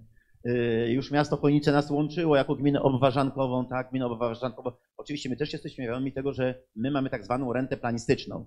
Y, Pozytywny wpływ miasta Chojnice na rozwój gminy wiejskiej Chojnice. Tego nie ukrywamy. Stąd, kiedy dostaliśmy pieniądze, miasto Chojnice 8 milionów też przekazaliśmy dotacje na różne inwestycje jest w prezencie. Ale to nie o tym chcę mówić. Natomiast, Szanowni Państwo, y, oczyszczalnie ścieków, tak jak w przypadku y, gminy Cekcyn, większość ścieków płynie na nowoczesne oczyszczalnie ścieków Chojnice. Zlikwidowaliśmy naszą oczyszczalnię wcześniej w Harzykowach, starą, przestarzałą. Ponad pierwsza oczyszczalnia 70 lat temu na wsi Polsce powstała, w Harzykowach. Yy, Natomiast mamy tu jedną oczyszczalnię swoją, dosyć nowoczesną yy, w Sfornegaciach. Natomiast, Szanowni Państwo, moi radni zdecydowanie są przeciwni łączenia miasta z gminą, bo Szanowni Państwo, o czym doskonale wie, podstawowa zasada demokracji. Głosy decydują o podejmowaniu określonych decyzji. Głosy. E, Demokracja, demokratos, lud. W związku z tym, jeśli gmina Chojnice ma dzisiaj 19 tysięcy mieszkańców, a miasto 38 tysięcy mieszkańców, to jaka będzie proporcja radnych miejskich do wiejskich? 2 do 1. Możemy ślubować, że będziemy służyć miastu i gminie Chojnicy. Miastu i gminie Chojnice po ewentualnym połączeniu. Chociaż oczywiście, panie prezesie, są też próby yy, legislacyjne, żeby no, chyba około 170 gmin w Polsce tak zwanych obwarzankowych zlikwidować. Bo będzie ustawowa decyzja, no trudno. Yy, Decyzja ustawodawcy. Natomiast z punktu widzenia gmin wiejskich byłoby to absolutnie szkodliwe, dlatego że zawsze bliższa koszula ciału. Czyli yy, w układzie demografii miasto, gmina 2 do 1, 2 do 1 z, nigdy nie byłoby yy, stać na taki rozwój miejscowości, yy, jaki w tej chwili nasi, yy, nasi mieszkańcy odczuwają, czy no, dos, dostępują w, ra, w ramach takich inwestycji, jakie po prostu mamy. Czyli nie ma mowy o łączeniu miasta z gminą Chojnice, chociaż mamy wspólne rzeczy. Oczyszczalnia ścieków Chojnice, nasze ścieki płyną na oczyszczalnię chojnicką. Tam partycypujemy w kosztach. Yy, Miejskie zakłady komunikacyjne yy, całkowicie obsługują nam gminę wiejską Chojnicę z dowożem uczniów, ale to nas kosztuje 2 miliony złotych. 2 miliony złotych przekazujemy miastu na funkcjonowanie MZK. Ale to o tym nie będę mówił, bo to są plusy i minusy takiego funkcjonowania. Bardzo dziękuję i Jakubie tobie głos oddaję. E, Pierwsze pytanie dotyczyło komunikacji z mieszkańcami i Tak. Y, ja myślę, że w dzisiejszych czasach ważne jest to, żeby ta komunikacja była taka wielopłaszczyznowa i, i żeby wykorzystywać różne formy przekazu. Ale ja też jeżdżę dwa razy w roku na zebrania wiejskie. To jest naprawdę mega ważne, żeby, żeby w ogóle ten kontakt bezpośredni. Tu jakby mm, wiem, że teraz jest trudniej, ale ten kontakt bezpośredni, y, wiecie, czasem y, zapytanie kogoś, kogoś, kto przychodzi do urzędu, w jakiej sprawie przyszedł i przy okazji zapytanie się, co u niego słychać, tak? Czy czasem jak z rodziną jesteśmy w Lisewie, robimy zakupy i spotka się kogoś, to też fajnie porozmawiać, że takim dobrym sposobem komunikacji i rozmów z mieszkańcami są różne wydarzenia, które się odbywają i, i ten kontakt, kiedy, wiecie, nie ma e, takiej e, takiej bariery, że się jest w gabinecie wójta, prawda, że no, no niektórzy się boją, tak, nie mam, mam nadzieję, że nie umie, ale, ale ja mam takie poczucie, że, że niektórzy rzeczywiście boją się tego urzędu, tak, przychodzić i, i ja nigdy nie przyjmuję e, mieszkańców za biurka, tak, bo uważam, że to jest, jest obok stolik i zawsze się spotykamy przy stoliku i budujemy tą wspólnotę, że no, w gruncie rzeczy jesteśmy mieszkańcami jednej gminy, nawet jeżeli ktoś przychodzi z problemem, no to staramy się ten problem, ma jakąś potrzebę, prawda, chcemy ten problem rozwiązać. Więc ta komunikacja bezpośrednia i, i wykorzystywanie różnych sytuacji do tego, żeby rozmawiać ze sobą, ale też rozmawianie poprzez radnych i sołtysów. Myślę, że to jest kluczowe z punktu widzenia już w ogóle zarządzania gminą 19-tysięczną, tak? gdzie przecież dostęp do tego mieszkańca pojedynczego jest, jest mocno utrudniony. E, Ale my też w tych małych gminach mamy bardzo dużo pracy takiej bieżącej, tak? E, inwestycji, e, spraw, którymi musimy się wszystkim zajmować oświatą, pomocą społeczną, wodą, kanalizacją, ochroną środowiska, inwestycjami i pracownicy do nas przychodzą i, i musimy podejmować często decyzje e, i, i brakuje tego czasu właśnie na taką bezpośrednią komunikację.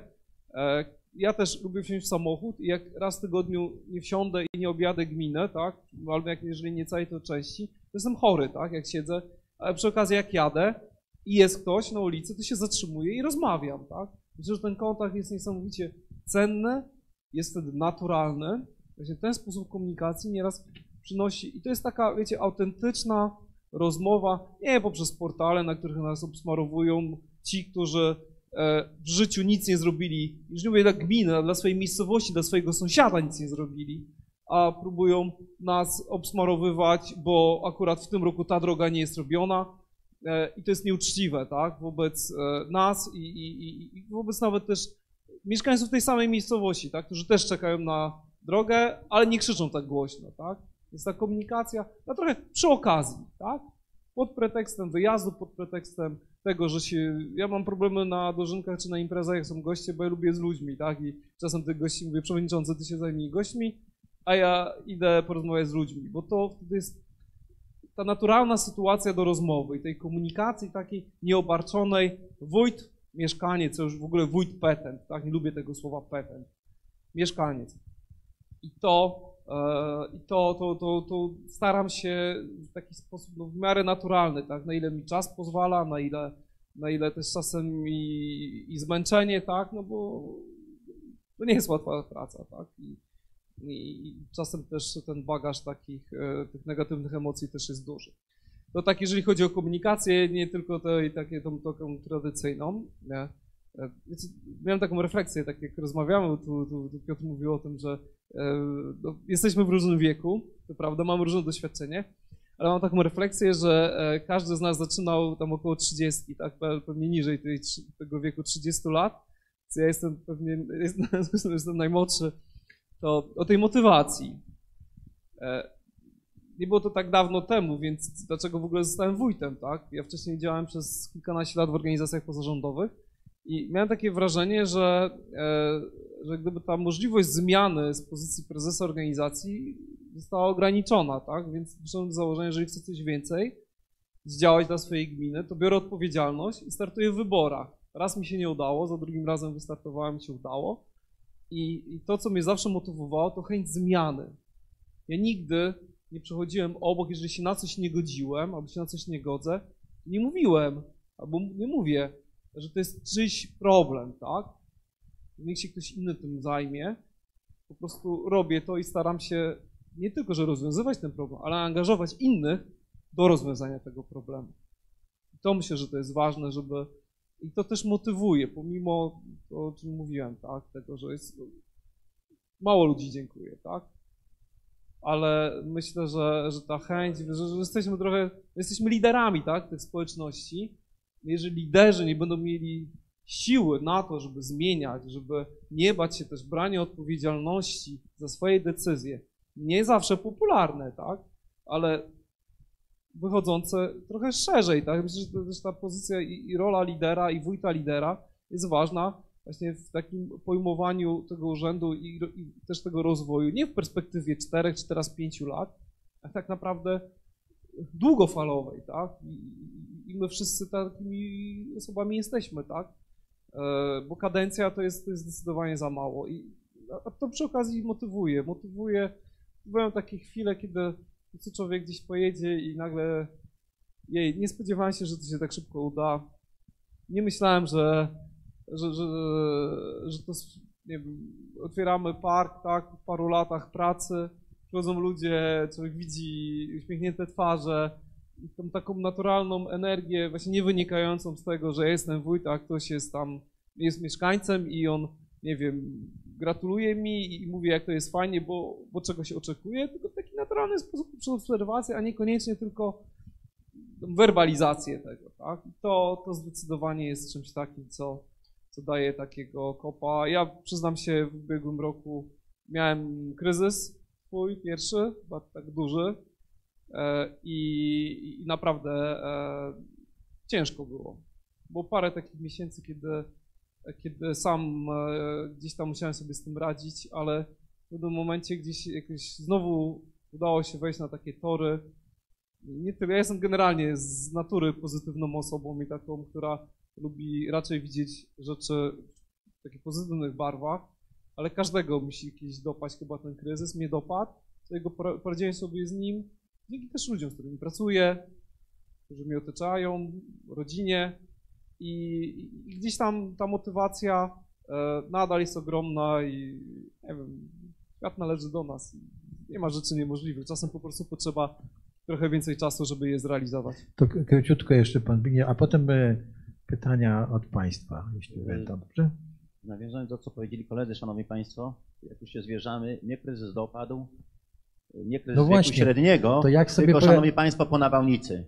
Tak. Kiedy się widziało tą tragedię ludzi, y, tą niemoc, tą niemoc.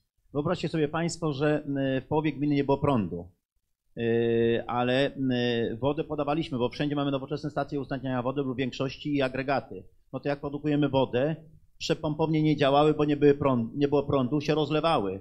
No to telefony, tu śmierć, tu ludzie proszą o pomoc, błagają, a tutaj mnie grożą prokuratorem, że ja zanieczyszczam środowisko, bo y, przepompownie się wylewają y, ze ścieku. Natomiast y, jeśli chodzi o instrumenty komunikacji z mieszkańcami, ja tego może nie dopowiedziałem, a też mówiłem w kontekście telefonu służbowego. Ja w komórce, tej komórce pewnie mam tysiąc numerów. Osoby publiczne, organizacje pozarządowe, przedsiębiorcy. Nie mam yy, przysłowiowego Kowalskiego i nie będę już miał. Po tej interpretacji, yy, czy yy, numer telefonu, mała gmina sobie może na to pozwolić. Natomiast, Szanowni Państwo, ja miałem dziesiątki, setki telefonów w nocy. Często pod wpływem alkoholu wręcz ludzie się bawili, bawili. Często wiecie, telefony na, na kartę, tak, te jednorazówki. W związku z tym rozłączyłem. Jeśli ktoś chce naprawdę się ze mną spotkać, już przez sekretariat. Yy, ułatwia mi to yy, naprawdę yy, pracę, pracę. Komórka jest instrumentem, jest narzędziem do zarządzania gminą. Natomiast nie do bycia no, telefoniczną na linii. Małe gminy to pewnie możecie sobie na to pozwolić. Absolutnie jest to u mnie niemożliwe. Jest to niemożliwe. Natomiast narzędzia komunikacji, zebrania wiejskie, kontakty z mieszkańcami we wtorki. Natomiast corocznie od lat wydajemy gazetkę aktualności z gminy Chojnice. Y, Mogłem przywieźć Wam pop- poprzednie wydanie, teraz kolejne będzie jeden taki informator. Ale rozumiem, Gdzieś że 50 stron. online można zobaczyć. Też, też, Właśnie. też. Online oczywiście, że można. Szanowni Państwo, tam my mówimy o inwestycjach, o programie inwestycyjnym. Tutaj niektórym Państwu wręczyłem y, inwestycje Tak. roku przyszłego na, za 40 milionów. Y, Tych gazetek jest 5-6 tysięcy do każdego domu. To jest informator, jak segregować śmieci, jakie są podatki. To jest taki informator, yy, oczywiście tam nie ma cenzury, bo to my sami sobie piszemy, tak? Nasi pracownicy. Ale to jest taki informator, na który to nasi mieszkańcy czekają. I poza tym yy, od lat organizujemy yy, konferencje prasowe. Mamy różne media. Dziennikarze tylko czekają na zaproszenie. Z reguły co dwa tygodnie, w czwartki o 9.00 organizuję konferencję prasową. Radio Weekend, Radio Gdańsk, Gazeta Pomorska, Dziennik Bałtycki, portale i w ten sposób też docieramy do mieszkańców. Natomiast jeśli chodzi o tą łączność z mieszkańcami, yy, pani wicewójt Sektyna, pani Szczęsna yy, zna miejscowość Lichnowy. Gdzieś mm, 8 lat temu przejęliśmy od Agencji Nieruchomości Rolnej, dzisiaj to KOWR, tak, Krajowy Ośrodek Wsparcia Rolnictwa, drogę, ta- tak zwana ulica Parkowa.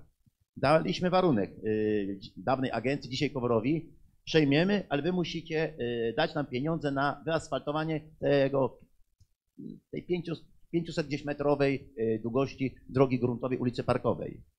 Y, Agencja oczywiście warunkowała, że pół na pół, nie zgodziłem się, w końcu dali się przekonać, wynegocjowałem, że 100% dali. Kiedy już droga asfaltowa była zrobiona, jadąc z Chojnic do Silna przez Lichnowy, wysiadam sobie, a tam dwa dni już po zrealizowaniu tej inwestycji, nowy piękny asfalt, a tak wcześniej takie kocie łby tam były kamienie. I wysiadam taki dumny ze służbowego samochodu, Opel Astra dwójka to chyba wtedy był, yy, sportaż, to 11 lat temu. Mam 8 lat taki. temu. I e, taki dumny wychodzę z samochodu, no kochani, nareszcie doczekaliście się tej drogi. A oni a tam zagrabiali, porządek robili po tej inwestycji. Panie wójcie, złodziejstwo, 200 tysięcy, lepiej nam, biednym ludziom, byście te pieniądze rozdali. Także stwierdziłem, że tak, tak chyba nie, nie trzeba tak za, za szybko wychodzić yy, po, in, po procesie inwestycyjnym. Tak pół żartem, pół serio. Tak, tak. E, Jacku, chciałbyś coś dodać jeszcze? Tak, tak, tak.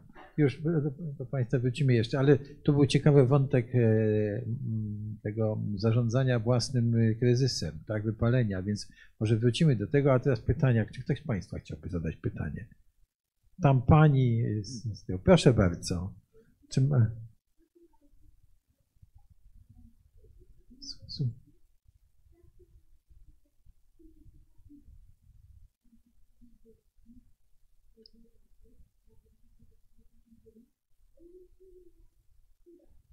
A, nie, ja...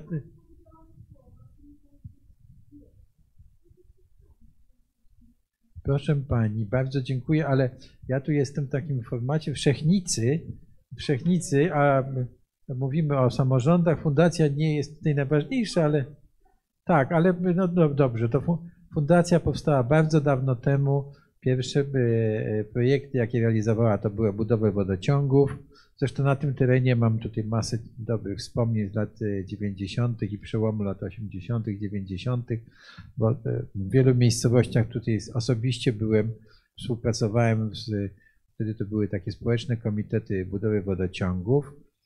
E, Bardzo e, e, myślę, że dużo tych ludzi już nie, nie żyje, ale to po prostu byli ludzie, którzy podejmowali no, takie inicjatywy, no właśnie, żeby mieć e, wodę. W miejscowości Złe Mięso, Czersk, e, nawet e, jak jechałem, to wspomniałem, że w latach e, 90., jak było już, nie wiem, pierwsze wybory do Sejmu, to otrzymałem list z Czerska od tych ludzi, z którymi współpracowałem, żebym ja się zgodził być posłem od nich, że oni załatwią mi komitet wyborczy i ja, żebym było wz- wzruszające takie. e, W każdym razie, no ja się na to nie zdecydowałem. Ale dobrze, więc w każdym razie, no jesteśmy organizacją nie, nie, e, taką no, niezależną, która wspomaga ile mo- może inicjatywy ludzi. Pieniądze mamy, proszę pani, stąd, że e, w 1982 roku do Kongres Amerykański przeznaczył dla nas 10 milionów dolarów. Myśmy tych pieniędzy nie mogli wykorzystać, bo nie było ustawy o fundacjach wtedy. E, e, W 1987 roku rozpoczęliśmy działalność, bo ta ustawa w międzyczasie została wynegocjowana z ówczesnym reżimem i, i fundacja mogła zacząć działać. A potem każdą niewydaną złotówkę żeśmy po prostu inwestowali, czy to w oszczędności, czy e, wtedy już pojawiły się takie możliwości, czy w bony skarbowe. No i tak zbudowaliśmy niewielki własny majątek, z którego teraz e, korzystamy, na przykład organizując tę debatę, czy prowadząc wszechnicę. Proszę zajrzeć, tam jest dużo wy- wykładów, jakby ktoś był zainteresowany. A część naszych pieniędzy pochodzi też e, z udziału w konkursach na środki unijne, więc e, stąd. Tak króciutko. Bardzo przepraszam, nie było moim zamiarem w ogóle tej mówienia o fundacji, ale pani była dosyć stanowcza, więc musiałem powiedzieć. Musiałem powiedzieć tylko, że gminę i Cekcyn i bardzo dobrze znamy, bo tu e, mieliśmy bardzo miłe, mamy wspomnienia z różnych projektów, które żeśmy tutaj realizowali też. Także bardzo dziękujemy za tę możliwość i e, e, nie pamiętam gminy Choj- Chojnice, nic, ale może coś tam było kiedyś, ale po prostu nie jestem. A, tak, rzeczywiście, byli u Pana. Tak, rzeczywiście, wspaniali ludzie z tego wyrośli. Chciałem Panu podziękować za to, za tą możliwość wtedy, bo z tego programu wyszli nam wspaniali ludzie, i młodzi Polacy, i Ukraińcy. Także z tych młodych Ukraińców to większość z nich potem znalazła się właśnie po tej stronie, e, gdzie chciała bu- budować tą demokratyczną e, e, Ukrainę. Także to był też wkład w budowanie naszych tak, no, taki prosperity naszych sąsiadów.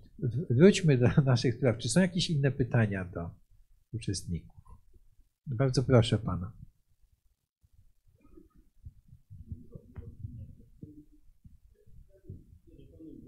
żeby e, do panów wójtów, żeby mm, może rozwinęli problem e, rozwoju. Mianowicie e, niewątpliwie zgodzimy się dzisiaj, że wszyscy, cała ludzkość stoi przed ogromnymi wyzwaniami klimatycznymi, różnymi innymi, ale również tożsamościowymi.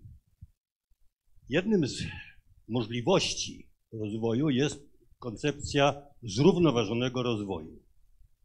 Natomiast w mojej ocenie i z moich obserwacji to wynika, że to pozostaje w znakomitej większości wypadków w tak zwanej sferze werbalnej. Natomiast chciałbym się zapytać panów wójtów, czy rozważają pójście drogą zrównoważonego rozwoju, co przez to rozumieją i w jakim kierunku by ten zrównoważony rozwój miał się odbywać. Dziękuję. Dziękuję bardzo. Czy ktoś z panów chciałby odpowiedzieć? Jakub? Ja mogę Dobrze, częściowo, ale z, panem Michałem Buchholcem y, jako przewodniczącym Rady Seniorów y, Gminy Cekcyn tutaj y, no, często y, dyskutowaliśmy. Ja rozumiem, że pytanie o zrównoważony rozwój jest y, bardziej w skali nie lokalnej, typowo gminnej takiej, tylko w skali y, bardziej czy wojewódzkiej, czy ogólnopolskiej, bo to jest, tak?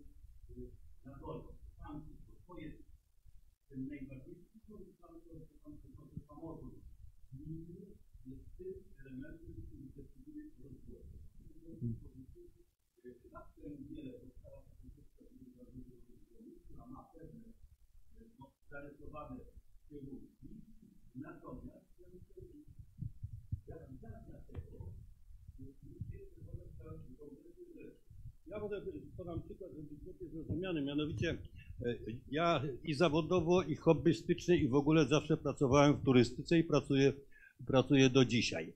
E, Kiedyś była koncepcja taka, że jak przygotowuję ofertę, prawda, to e, jakiś tam obszar przygotowuje ofertę, prawda, to głównym elementem, na którym należy się skupić, to jest turysta. On tu przyjedzie, on jest Pan i Bóg, on ma robić wszystko, ma mieć wszystko.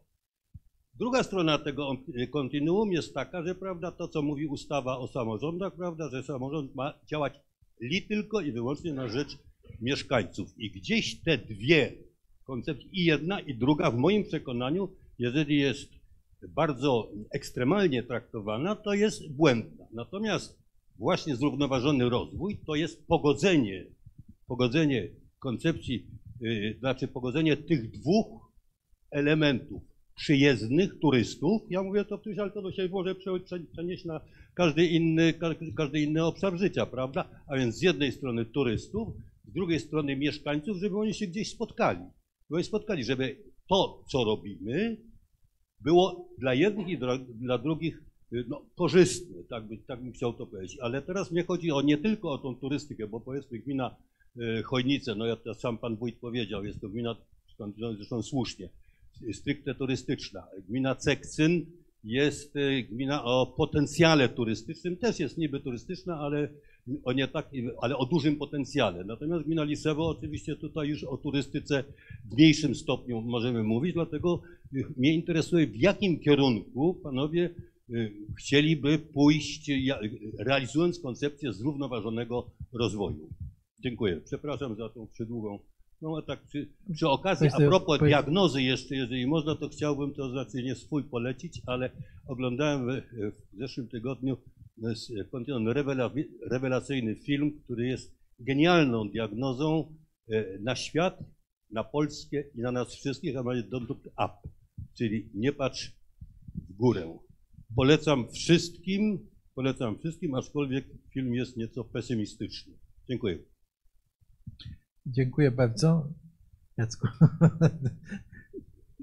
Ja przyznaję, że ja mam bardziej ścisły umysł, także znaczy ja ten zrównoważony rozwój, to, to no każdy z nas pewnie co innego ma na myśli. I tak do końca, jak mówimy o tym zrównoważonym rozwoju, ja troszeczkę działając yy, w Związku Gmin Wiejskich, to my bardzo często ten zrównoważony rozwój sprowadzamy do trochę przeciągania tej liny yy, wieś, miasto, y, aglomeracja miejska, tereny podmiejskie, a właśnie tereny oddalone czy y, gminy zmarginalizowane, bo to teraz jest takie modne też y, hasło, spora część gmin, szczególnie wiejskich, oddalonych od dużych aglomeracji y, miejskich y, jest obszarami zmarginalizowanymi i my y, to rozumiemy pod kątem właśnie takiego zrównoważonego, zrównoważonego rozwoju wszystkich tych obszarów. Ja rozumiem, że chodzi o, o rozwój już na taki lokalny, y, w kontekście różnych gałęzi działalności y, gminy. No, to, to Michał wiesz akurat, że jeżeli chodzi o, o gminę Cekcyn, no my musimy w kilku płaszczyznach funkcjonować. Y, Ty jako zapalony taki animator turystyki, propagator turystyki, koniecznie chcę, żebyśmy określili się jako gmina Cekcyn w kierunku rozwoju tej y, turystyki, ale my jako samorząd, y, no dyskutując czasami też na komisjach czy na, czy na sesjach y, o tym, wiemy doskonale, że jest ta gałąź ciągle y, rolnicza, y, jest y, u nas y, oparcie y, na usługach i przerobie drewna, z uwagi na tą ilość y, lasów tutaj, że tam są największe nasze y, no, ilości miejsc y, pracy w tej gałęzi. Także to, to, to na pewno musi być patrzenie takie wielopłaszczyznowe. No i pełniąc tą funkcję wójta ponad 20 lat, zawsze mówiło się o turystyce. Ale z perspektywy czasu, no niestety ja mówię, że to jest dla naszych mieszkańców sposób na dorobienie do tych skromnych budżetów, które mają, niż możliwość y, utrzymania się całorocznego y, no, z tymi zasobami, które tutaj mamy, jeżeli chodzi o, ten turysty, o tą turystykę, y, my nie będziemy w stanie y, pewnie jeszcze długo kon, konkurować z górami czy z morzem, gdzie ta oferta jest dużo dłuższa. Ten nasz ruch turystyczny, on odbywa się w miesiącach maj, czerwiec, lipiec, sierpień. No jak cię mogę jeszcze, jak jest wysyp grzybów, to trochę we wrześniu, tak? Y, Ale poza tymi miesiącami, no to wiemy, jako mieszkańcy, y, ci kwaterodawcy, czy ci, co wynajmują te, te domki, czy spora część ludzi, które ma u nas domki letniskowe, oni wyjeżdżają. Oni wyjeżdżają we wrześniu i przez ponad pół roku ich y, nie będzie już tutaj. Dziękuję bardzo. Jakubie, chciałbyś coś dodać? Czy Tak, pan tak. Zbigniew może chciałby coś...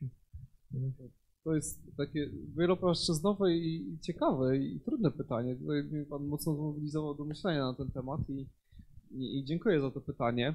E, Myślę, że bardzo ważne jest to, jak definiujemy sobie ten zrównoważony rozwój i jak rozróżniamy, bo ja rozróżniam równomierny rozwój, tak jak równomierny rozwój, nie wiem, od gminy, prawda, sołec, gminy, powiatu, województwa, tak, i, i tego dyskursu o tym, czy e, najpierw duże miasta, a potem obwarzanki, tak, i mniejsze gminy. To Tutaj mamy ten równomierny, ale ja jako zrównoważony rozwój, to traktuję taki rozwój, przede wszystkim, który jest zgodny z naturą, tak, czyli ten wzrost zamożności społecznej, rozwój infrastruktury, ale równocześnie z dbaniem o środowisko i tu nie tylko środowisko naturalne, ale też środowisko takie społeczne, tak. Dla mnie ważne jest to, co trochę też Państwu mówiłem, że z jednej strony, no dzisiaj ta moja gmina jest taka, że e, mieszka jakaś tam ilość osób, dużo z tych osób pracuje poza, tak? Dużo z tej gminy osób wyjeżdża, tak, młodych, no bo nie ma mieszkań, nie ma miejsc pracy, a jak mogę gdzieś znaleźć mieszkanie i gdzieś mieć bliżej pracę i trochę lepsze zarobki, to idę gdzieś dalej, tak? Więc ja sobie to definiuję, że e, moją rolą, tak, e, jako wójta i gminy jest stworzenie przede wszystkim warunków do tego, żeby powstawały miejsca pracy, żeby ludzie chcieli tu mieszkać, a przy okazji, żeby im się dobrze żyło. Będzie im się dobrze żyło, jeżeli będą mieli czyste środowisko, tak? Nie wiem, nie będzie kopciuchów, tak? Na terenie miejscowości, bo tak było jeszcze parę, zanim gaz ziemny trafił do Lisewa, że wychodziło na, na ulicę i po drugiej stronie nie było widać tego, co się dzieje, tak? Więc to są te działania gminy, zmierzające do rozwoju, do poprawy jakości życia, też takiego finansowego, chociaż gmina akurat ma niewiele do zrobienia, może tworzyć warunki, tak? To co, to, co my wszyscy robimy, o czym też tutaj X Chojnic mówi, tak? Tworzenie warunków do rozwoju przedsiębiorstw, czy to przez jakieś parki, nie wiem, ulgi, cokolwiek. Więc, ale to jest ten rozwój, który jest nastawiony trochę na też konsumpcję środowiska, tak? I trzeba znajdować takie elementy, które będą równoważyły, tak? To, że powstają zakłady, to, że powstają nowe drogi, po których szybciej jeździ, tak, nowe domy, tak? No, generalnie to jest ingerencja w środowisko naturalne. Ale mamy takie, ja uważam, narzędzia, którymi chyba też dosyć nieźle się posługujemy. Jak, e, jak e, słuchajcie, z jednej strony to budowanie tej świadomości ekologicznej to jest nasza ogromna rola poprzez inwestycje. No, no, nikt sobie pewnie w Cykcynie nie wyobraża, żeby teraz te ścieki, które, tak, o którym Jacek mówił, płyną do Tucholi, żeby one były w szambach, tak, które się rozlewają po polach, tak? Żeby zamiast e, nowoczesnych źródeł ciepła palić kopciuchami i wychodząc, w sekcji pewnie ten sam problem, albo jeszcze jest, albo, albo, albo, był. Po prostu paru sąsiadów jak napaliło, to, to nie było widać z drugiej strony ulicy, nie? Nie mówiąc o tym, żeby zdrowo przejść, tak? Więc to są takie zadania i ja definiuję właśnie sobie ten zrównoważony rozwój jako chęć podniesienia jakości życia, stworzenia warunków, możliwości, tak? Na ile mieszkańcy czy podmioty z zewnątrz skorzystają z tego, mamy już trochę mniej, znaczy bardziej ograniczony wpływ na to, ale, ale też działania te proekologiczne i, i, i, i, też pokazujące mieszkańcom też czasem trochę, wiecie, szerszą perspektywę, tak? Nie mówiące, co ma zrobić ten mieszkaniec, ale też wskazujące, że ta, że, że ta perspektywa może być szersza. To jest zdecydowanie nasza rola, tak? Nie za każdym razem wyręczanie mieszkańców, ale myślenie do przodu, wskazywanie kierunków, pomoc też i realizacja. Tak? To ja to tak definiuję. Dobrze, dziękuję bardzo. Tutaj sygnalizują mi uczestnicy, że nie słychać jak zadaję pytania. Muszę starannie chyba e, mikrofon e, trzymać bliżej. Bardzo dziękuję. E, To proszę pan Zbigniew, a potem wrócimy jeszcze do komentarzy. Rozwój zrównoważony, a więc rozwój danej społeczności y, bez niepogarszania y, warunków y, przyrodniczych, zasobów przyrodniczych. W każdej strategii, czy to jest strategia gminy, czy powiatu, czy województwa, to znajdzie, znajdziemy. Rozwój społeczności, infrastruktury bez pogarszania zasobów przyrodniczych. Szanowni Państwo, tak, może takie fakty przytoczyć. Y, W gminie wiejskiej Chojnice mamy 360 km kanalizacji sanitarnej, i stąd do Warszawy, tak? Y, 100 przepompowni ścieków, y, ale co jest istotne, produkuje się około 2000 m3 y, ścieków na dobę, 2 miliony litrów. Gdzie to szło 20 lat temu? Y, Każdy z nas średnio produkuje y, kilogram śmieci dziennie. No w gminie Chojnice z analizy wynika, że to jest 300 kg, nie licząc wielką, wielkich gabarytów, no to pewnie by wyszło około 360 kg, tak? Gdzie to 20-30 km szło, Szanowni Państwo? Yy, Muszę Państwu powiedzieć, że mm, yy, tylko dwie gminy w Polsce zwolniły polską spółkę gazową, ale jako Bajtek to przejmie to chyba się wycofam z tej uchwały Rady Gminy, gdzie yy, polska spółka gazowa nie płaci nam podatku od dwuprocentowego od wartości budowli urządzeń. Telekomunikacja płaci naszym gminom, yy, energetyka, to są określone set tysięcy. My zwalniamy. Dlaczego? Dlatego, że polska spółka gazowa, ja to często na różnych forach samorządowych podejmowałem ten temat, w ramach zrównoważonego rozwoju stawia sobie za cel walkę z kopciuchami poprzez gazyfikację gminy gazyfikację gminy. Jedna trzecia gminy jest zgazyfikowana, ale niestety polska spółka gazowa kieruje się rachunkiem ekonomicznym, gdzie nakłady poniesione na budowę sieci gazowniczej muszą się zwrócić w ciągu 30 lat, wcześniej było w ciągu 20 lat. Przez pandemię niestety pogorszyły się warunki ekonomiczne. To 300 tysięcy ulgi yy, dla polskiej spółki gazowej jest przedmiotem analizy podłączenia do sieci gazowniczej kolejnej miejscowości. Yy, Ostatnio gmina Chojnice na mój wniosek zwolniła y, nie y, popiół z podatku mieszkaniowego. No, w skali gminy jest to pół miliona złotych, no gdzieś jedna trzecia nie produkuje popiołu, czyli około 150 tysięcy y, zostanie to w kieszeni y, podatników, ale przede wszystkim chodzi- o wymiar społeczny, socjotechniczny.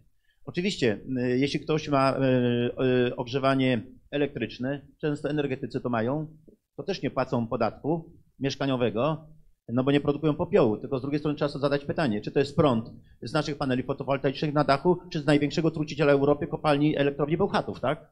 To są bardzo trudne yy, pytania, może pytania łatwe, co problem jest trudny. Ja tylko, e, jeśli mogę panu przerwać, e, bo tu, e, mm, odpowiadamy na pytanie, bo nie, internauci nie słyszeli pytania. Odpowiadamy na pytanie, jak wójtowie definiują rozwój zrównoważony i jak go realizują w praktyce. Tak? Już, przepraszam. I teraz słuchajcie, szanowni państwo, nieraz na forum y, z panią prezes z Warszawy na ten temat rozmawiałem, żeby jednak wprowadzić pewne instrumenty dla gmin wiejskich, żeby ten y, czas zwrotu nakładów na budowę sieci gazowniczej, a więc walka z kopciuchami, walka o czysty, czyste powietrze. Nie mówię o yy, efekcie cieplarnianym, bo nie wiem, czy, czy Państwo wiecie, ale gaz ziemny nie jest ekologicznym y, gazem z punktu widzenia efektu cieplarnianego.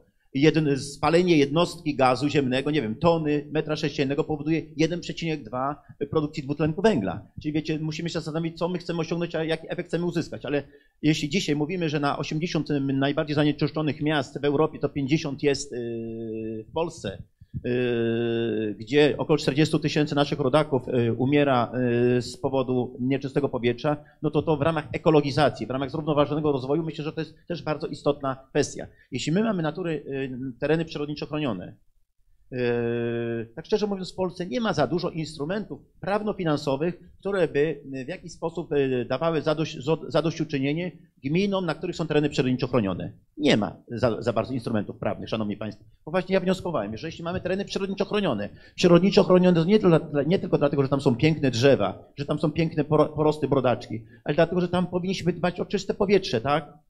Natomiast no niestety nie ma tych instrumentów prawnych. Szanowni państwo, Yy, gmina, yy, powiem tak, yy, kolego Jacku, jeśli macie 100%, 100 obszaru Natura 2000, my mamy 65% czy tam 72% z parkami krajobrazowymi, zresztą Park, Park Narodowy Rzeczka jest w obszarze Natura 2000, to, to chyba jest też dobre, że wszędzie mm, nad rozwojem proekologicznym tych terenów są tak zwane służby. Regionalne Dyrekcje Ochrony Środowiska, my to nazywamy Policją Ochrony Środowiska, ale z punktu widzenia ochrony środowiska dobrze, że te instytucje są. Y, u nas y, często jest tak, że każdą decyzję na terenach przyrodniczo chronionych uzgadniają teraz trzy instytucje, nie opinią, uzgadniają. Park Narodowy, Regionalna Dyrekcja Ochrony Środowiska. Natomiast, Szanowni Państwo, kiedy słyszę gdzieś w mediach, telewizji, gdzie powstaje wielka chlewnia, gdzie powstaje wielka obora, gdzie powstaje wielka ferma drobiu, gdzie powstaje wysypisko śmieci? I wójt burmistrz nie miał nic do powiedzenia, bo to wynika z analizy urbanistycznej, to odpowiadam, kłamie. Dlatego, że jak Państwo wiecie, w instrumencie planowania przestrzennego Każdą decyzję o warunkach zabudowy można zablokować planem miejscowym. Planem miejscowym. Chyba teraz skrócił się termin chyba z 9 miesięcy do 7 miesięcy. No to, y, to trzeba każdego dnia pilnować, żeby w ciągu 7 miesięcy opracować plan miejscowy lub jego zablokować. To znaczy trzeba opracować, żeby zablokować decyzję o warunkach zabudowy. Do czego zmierzam? W ramach zrównoważonego rozwoju My mamy wyliczenia tak zwanej pojemności turystyczno-przyrodniczej dla miejscowości turystycznych, Harzykowiec Fornegacie. Jeśli wczoraj analizowaliśmy po Kuśnierewieciu teren, że tam ma być powstać hotel, no to teraz jest licytacja. Czy 200 łóżek, czy 300 łóżek? Regionalna dyrekcja twierdzi, że tylko 200 i my to szanujemy. My to szanujemy. Jeśli mi inwestor z Wrocławia mówi, to w takim razie on nie będzie realizował inwestycji, to jego problem. To jego problem. Oczywiście miejsca pracy dla moich mieszkańców ważne, czy bardzo ważne. Podatki są ważne, ale to nie może być kosztem środowiska, Właśnie. kosztem ochrony przyrody. Bardzo dziękuję. Wydaje mi się, że panowie tutaj wy, wyjaśnili, że po pierwsze padło takie sformułowanie, że to jest e, rozwój taki, że nie, nie zużywamy zasobów, tak, że zostawiamy zasoby e, e, dla następnych pokoleń. Tak, to jest takie podejście i tutaj E, mówiliśmy o na przykład oczyszczalni ścieków e, w Cekcynie, prawda, że te ścieki, gdyby nie płynęły do oczyszczalni w Tucholi, tym 10 kilometrów e, dwoma nitkami kolektora, to prawdopodobnie płynęłyby przez te jeziora. No i to by był, nawet po oczyszczaniu ścieków, prawda, ten, to by było fatalne i, i tak dalej. Myślę, wydaje, że u, u, u, gminie rolniczej no na przykład e, takim e, wyzwaniem jest tak, żeby e, prawda, nie było na przykład zużycia nawozów zbyt dużo, żeby zasoby wody były dla przyszłych pokoleń i tak dalej, i tak dalej. Więc to na, na poziomie gminy to panowie nam mówili, że w ten sposób to realizują. Tak to zrozumiałem. Bardzo dziękuję. Czy są jeszcze jakieś pytania z sali?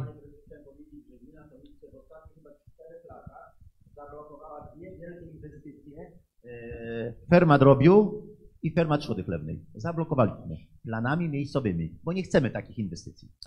Czy są jeszcze, tak, dziękuję, tak. Jednym słowem, pan wójt tutaj też podpowiedział wszystkim mieszkańcom innych gmin e, i wójtów, jak sobie radzić, jak taka inwestycja jest planowana w ich miejscowościach. Z jednej strony oczywiście to jest e,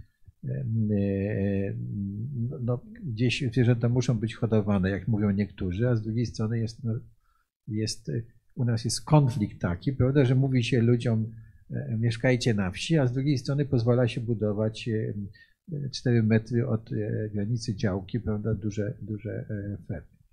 Ale wróćmy, czy są jeszcze jakieś pytania z sali do Państwa? Tutaj do naszych gości? Nie, to ja mam Tak, proszę bardzo. Prosiłbym, żeby to było py- pytanie, dobrze? E, ale- I proszę mówić do mikrofonu, bo tutaj skarżą się oglądający, że nie słychać pytań z sali, dobrze? Tomek Borta, Rada Gminy Miejscowa. Y, Po takich trudniejszych pytaniach, takie może bardziej przyziemne, myślę, że prostsze, do pana, do pana wójta Szczepańskiego. Interesuje mnie ten y, fundusz, y, te konta chyba sołeckie, tak? Jak pan to nazwał. Czy to funkcjonuje w ramach funduszy sołeckich? Czy państwo macie uchwałę y, mówiącą o pewnym zwrocie? Bo mechanizm znamy, tylko interesuje mnie, czy czy funkcjonuje to w ramach funduszy sołeckich, czy są to takie konta, które macie jakby y, autorskie swoje tylko w waszej gminie? Y, To nie są bardzo. konta. Jeszcze może jedno, y, mówił pan też, że te konta mają swoje budżety. Y, Jak są zasilane te budżety w ramach tych kont sołeckich? Dziękuję bardzo. Pan wójt mów- mówił już o tym. Y, To nie są konta tak zwane bankowe, to są środki wydzielone w budżecie dla 34 jednostek pomocniczych, czyli sołec. Czyli własny fundusz sołecki w pewnym sensie. Własny fundusz sołecki. Od, e, budżetową. Rady Gminy. Nie, nie, to są nasze pieniądze, nasze lokalne, nasze, nasze. Natomiast, Szanowni Państwo, y, No, mój gmi- pomysł autorski. y, Gmina jest tak bogata, że sprzed- może sobie na to pozwolić. Sprzed to e, chyba czterech lat powstają na naszym terenie niezbędne lub te, które chcemy, inwestycje wrażliwe społecznie. Wrażliwe społecznie inwestycje to na przykład w gminie Chojnice, w sąsiedztwie miejscowości Lichnowy, Nowy Dwór, Ankowice e, funkcjonuje zakład zagospodarowania odpadów. Dla, e, obsługuje e, po- gminy powiatu chojnickiego i powiatu człuchowskiego. Około 150 tysięcy mieszkańców. Pracuje tam około 100 ludzi, ale pomimo, że miejscowości są oddalone od tego ZZO, to niestety jak jest wichura, jak dwa dni temu, to niestety te śmieci, te, te papiery fruwają. I z tego tytułu, że są pewne uciążliwości, zapachowe mniej, ale te śmieciowe dla sąsiednich sołec, oczywiście załoga sprząta te papiery, a czasem je goni dwa, dwa kilometry, to z tego tytułu te sołectwa są, e, znajdujące się w sąsiedztwie tego zakładu zagrożenia odpadów, w tej chwili tam będzie za 100 milionów inwestycja, rozbudowa tego zakładu, e, dostają dodatkowo 30 tysięcy złotych do e, swoich budżetów, oprócz tych 134 złotych. Dalej, jeśli w gminie Chojnice powstał wiatrak, a mamy cz- e, 16 wiatraków o mocy każdy 2, 2 MW, od każdego wiatraka to gmina ma średnio 100 tysięcy podatku rocznie, to 10% tego podatku, czyli 10 tysięcy, zasila też konto sołeckie. Czyli jeśli sołectwo Lichnowe ma na swoim terenie 4 wiatraki, to oprócz 134 zł ma 40 tysięcy od wiatraków rocznie i 30 tysięcy rocznie z tytułu, że kilometr dalej jest wysypisko śmieci. Jeśli na danym terenie powstaje masz telefonii komórkowej, za masz telefonii komórkowej operatorzy nam płacą około 10 tysięcy, 100% pieniędzy zasila sołectwo. Muszę Państwu powiedzieć, że to działa perfekcyjnie, Tak. bo jeśli na przykład y, pojedynczy rolnik dostaje za y, wiatrak 50 tysięcy rocznie, to czasem przez pryzmat zazdrości się blokuje mu tą inwestycję. Natomiast y, jeśli pieniądze zasilają sołectwa dodatkowo, to naprawdę jest w miarę akceptacja społeczna. Bardzo dziękuję. E, To jest taki mechanizm. E, Odkupywania, Tak, ale nie, to, nie, e, to jest znany mechanizm na świecie. Bardzo fajnie, to Pan o tym mówi. Nie każda gmina ma środki i możliwości, żeby to zastosować, tak? Ale to jest taki troszkę jakby reinwestycja e, e, uci- uciążliwych. e, Też, tak. Proszę. Tak, ale tak jak, tak jak podkreślmy to, prawda, że mamy do czynienia z gminą, która jest no naprawdę e, e, bogata i, i może, może mieć własny fundusz sołecki. Panie prezesie, jest to około 10% możliwości inwestycyjnych gminy Chojnice, około 30%, tak?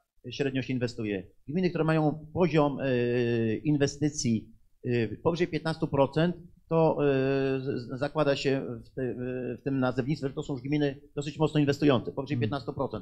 My mamy średnio 25-30%, tak? I jeśli te konta sołeckie mamy, tak zwane konta sołeckie, niewykorzystane przechodzą dalej, tak? Na kolejny rok. Niektóre sołectwa zbierają, y, bo jakaś droga ma kosztować na przykład y, 300 tysięcy, mają tylko 50 tysięcy. No to czekają jeszcze rok, mają 100 tysięcy i wtedy budujemy im drogę y, za y, 300 y, tysięcy. Natomiast no niektórzy na początku sołtysi troszeczkę poszaleli.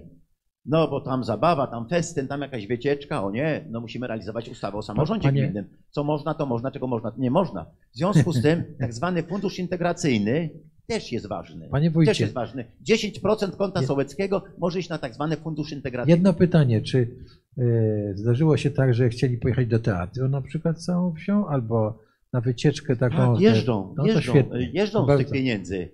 E. Ale e, e, Regionalna Izba Obrachunkowa od razu wyłapuje, nie może być to, w ogłoszeniu musi być wyjazd dla mieszkańców całego sołectwa, tak? Czyli, A że tam 10 czy 20, 30 nie można e, indywidualizować. czyli podaje pan, Tak, tak. podaje pan od razu sposób, jak e, dobrze sformułować e, cel wycieczki, żeby EBI się nie Mamy dobrze zorganizowany Gminny Ośrodek Kultury. E, Na czele z panią. Justyną Rząska. Ma tutaj rodzinę w Cekcynie. Współpracuje z naszym Domem Kultury. Także pozyskujemy też bardzo dużo Dobrze. środków z Bardzo- Ministerstwa Kultury na, dla seniorów, na wyjazdy do teatru, opery. Bardzo dziękuję.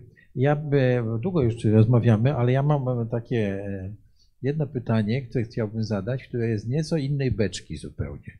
Tak, mianowicie mm, e, nasza Rzeczpospolita od iluś lat zmaga, znaczy te gminy i samorządy i mieszkańcy w związku z tym też zmagają się z problemem e, bezdomności zwierząt.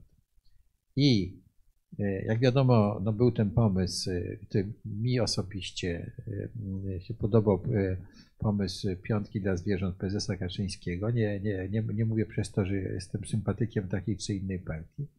No, pomysł upadł. Tak? Ale co byście panowie, ponieważ panowie jesteście na przecież na głównymi odpowiedzialnościami, e, odpowiedzialni za, ten problem, co byście po- powiedzieli e, w, tak w punktach szybko e, rządowi, czy Sejmowi, czy tej komisji, jak ten problem, e, jak podejść do tego problemu, żeby on przestał istnieć? Ja y, jestem za głupi, żeby to rozumieć. Y, Nie rozumiem, dlaczego nie można wprowadzić y, mechanizmu legislacyjnego, prawnego, który funkcjonuje w wielu krajów y, mądrzejszych od naszego narodu, bo są takie narody mądrzejsze. Y, Chipowanie zwierząt, tak? No to przepraszam, nie stać na chip? Ja tego nie rozumiem. Muszę Państwu powiedzieć, że jesteśmy pierwszą gminą w Polsce, pierwszą gminą w Polsce, y, która wprowadziła program adopcji psów. Gdzieś 15 lat temu. O Jezus, ja, ja, jaka nagonka dziennikarzy, że pijakom będziemy wydawali psy, psy z schroniska. Szanowni Państwo, świetnie to funkcjonuje. Około 500 gmin w Polsce skorzystało z naszego pomysłu. Druga gmina w Polsce, która skorzystała, to była gmina Stryków.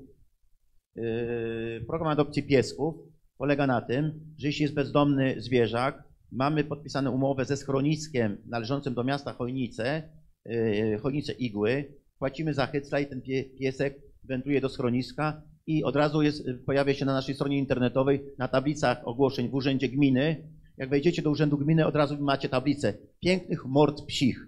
Yy, I my dzisiaj, yy, my w ciągu 6 miesięcy, czyli podpisujemy umowę adopcyjną, adopcyjną oczywiście nie trzeba mieć wielkich kursów, jak, jak się adoptuje dzieci, nie jest tak troszeczkę pół żartem, pół serio. I yy, my nie dajemy pieniędzy do ręki.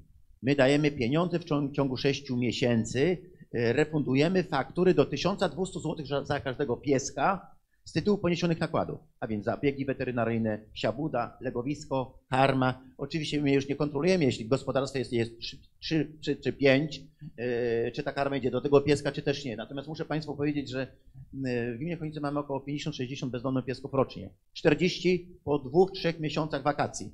Kupią psiakrę w sobie małego miśka, miśka w prezencie na e, Wielkanoc, tak, albo na Boże Narodzenie i ten misiek staje się, wiecie, tym górskim owczarkiem, tak, tym, tym Podhalański. podhalański, tak? Tak. I, y, ale wiecie jeszcze, jaką klasę mają niektórzy nasi goście, turyści lub przejezdni z ust i łeby, bo to droga 240, y, 212, 240 na świecie y, tutaj. Y, Przywiązują swoje, swoich, trudno nazwać przyjaciół, bo to raczej oni nie są godni, żeby nazwać się przyjaciółmi tych biednych zwierząt. Przywiązują do drzew w takim miejscu, oczywiście, żeby ludzie, rowerzyści widzieli tego przywiązanego pieska. W jednym przypadku były dwa psy w okolicy Funki, Funki, ośrodek harcerski. Y, oczywiście pełen worek karmy, y, woda y, w pojemnikach. Zobaczcie, jaki gest humanitaryzmu, tak? I głupoty ludzkiej. No tak, to też ob- oburza, ale rozumiem, że tym pomysłem jest e, po- powszechne chipowanie zwierząt, żeby można było zidentyfikować. Tak. Chipowanie Jednym. zwierząt, bardzo prosty I- mechanizm. drugi Nie rozumiem, dlaczego a- tego się nie wprowadza. A drugi jest taki, że po prostu e, e, problem e, szerokiej adopcji. A Jacek Bygman, co by nam powiedział? Znaczy, jeżeli chodzi o chipowanie zwierząt, to jako Związek Gmin Wiejskich od lat o to zabiegamy i tu nie rozumiemy y, tego. Zresztą ta piątka, która była dla y, zwierząt, to był jeden z tych dokumentów, który y, pisany był na kolanie, z nikim nie skonsultowany. I takich ustaw mamy bardzo dużo, które są bardzo szybko gdzieś tam pisane, nieprzemyślane, nieprzedyskutowane. Y, To nie tylko piątki dla zwierząt dotyczy, ale to y, też y, z opieki społecznej wiele, czy teraz bardzo potrzebny i, program, z którego się wszyscy w samorządach cieszymy, czyli Polski Ład, do którego mamy sporo uwag, dzięki którym można byłoby zracjonalizować funkcjonowanie danego wsparcia czy danych przepisów. Y, My na terenie gminy, no jak wszyscy mamy problem z bezdomnością y, zwierząt, głównie dotyczy to oczywiście y, psów. Nie mamy jakby sformalizowanej adopcji, chociaż- ona, ona się odbywa. Wszystkie wyłapane psy znajdują się zaraz na naszej stronie czy na Facebooku. Część z nich są chętni, którzy przejmują te psy, tych, których nie uda się przekazać do tej adopcji, są przekazywane do y, schroniska. Y, Podobnie, jeżeli są osoby zainteresowane tą adopcją, to my y, płacimy wtedy za te podstawowe zabiegi weterynaryjne, czy nawet jakąś część karmy. Y, Kupimy temu, y, to, tej osobie, która chce y, przejąć, czy y, w przypadku psów, kotów, y, kastrację jakąś, y, sterylizację przeprowadzić. I Tam także to też y, w taki sposób realizujemy. Y, No to, co się dzieje, jeżeli chodzi o, o psy, to tak jak y, w Chojnicach u nas pewnie 90% y, tych sytuacji to jest piątek po południu, sobota, niedziela i to najbardziej właśnie w tych miesiącach wakacyjnych. Dziękuję bardzo. Jakubie, to samo pytanie. nie wiem, czy to jest, czy to może będą dobre rady dla, dla rządzących, ale ja zacznę od tego, że mam cudowne osoby w urzędzie, które kochają zwierzęta i które, i które e, zmieniły moje podejście też do, do tego problemu. I e, przede wszystkim e, dlatego, że e, jak każdy, mamy problem z bezdomnymi zwierzętami, ale powiem, że jeszcze mamy inny problem, o którym jeszcze się nie mówi, ale o którym też chcę wspomnieć. E, I u nas faktycznie e, prowadzimy od kilku lat akcję chipowania, sterylizacji. E, Mamy dzisiaj chyba jednego pieska, tak, jeszcze w schronisku. Tak średnio jednego psa mamy w schronisku. Ale też dzięki temu, że te zwierzęta są adoptowane, one są przygotowane, one są e, odrabaczane, szczepione, e, zanim pójdą do właściciela, często poddawane sterylizacji.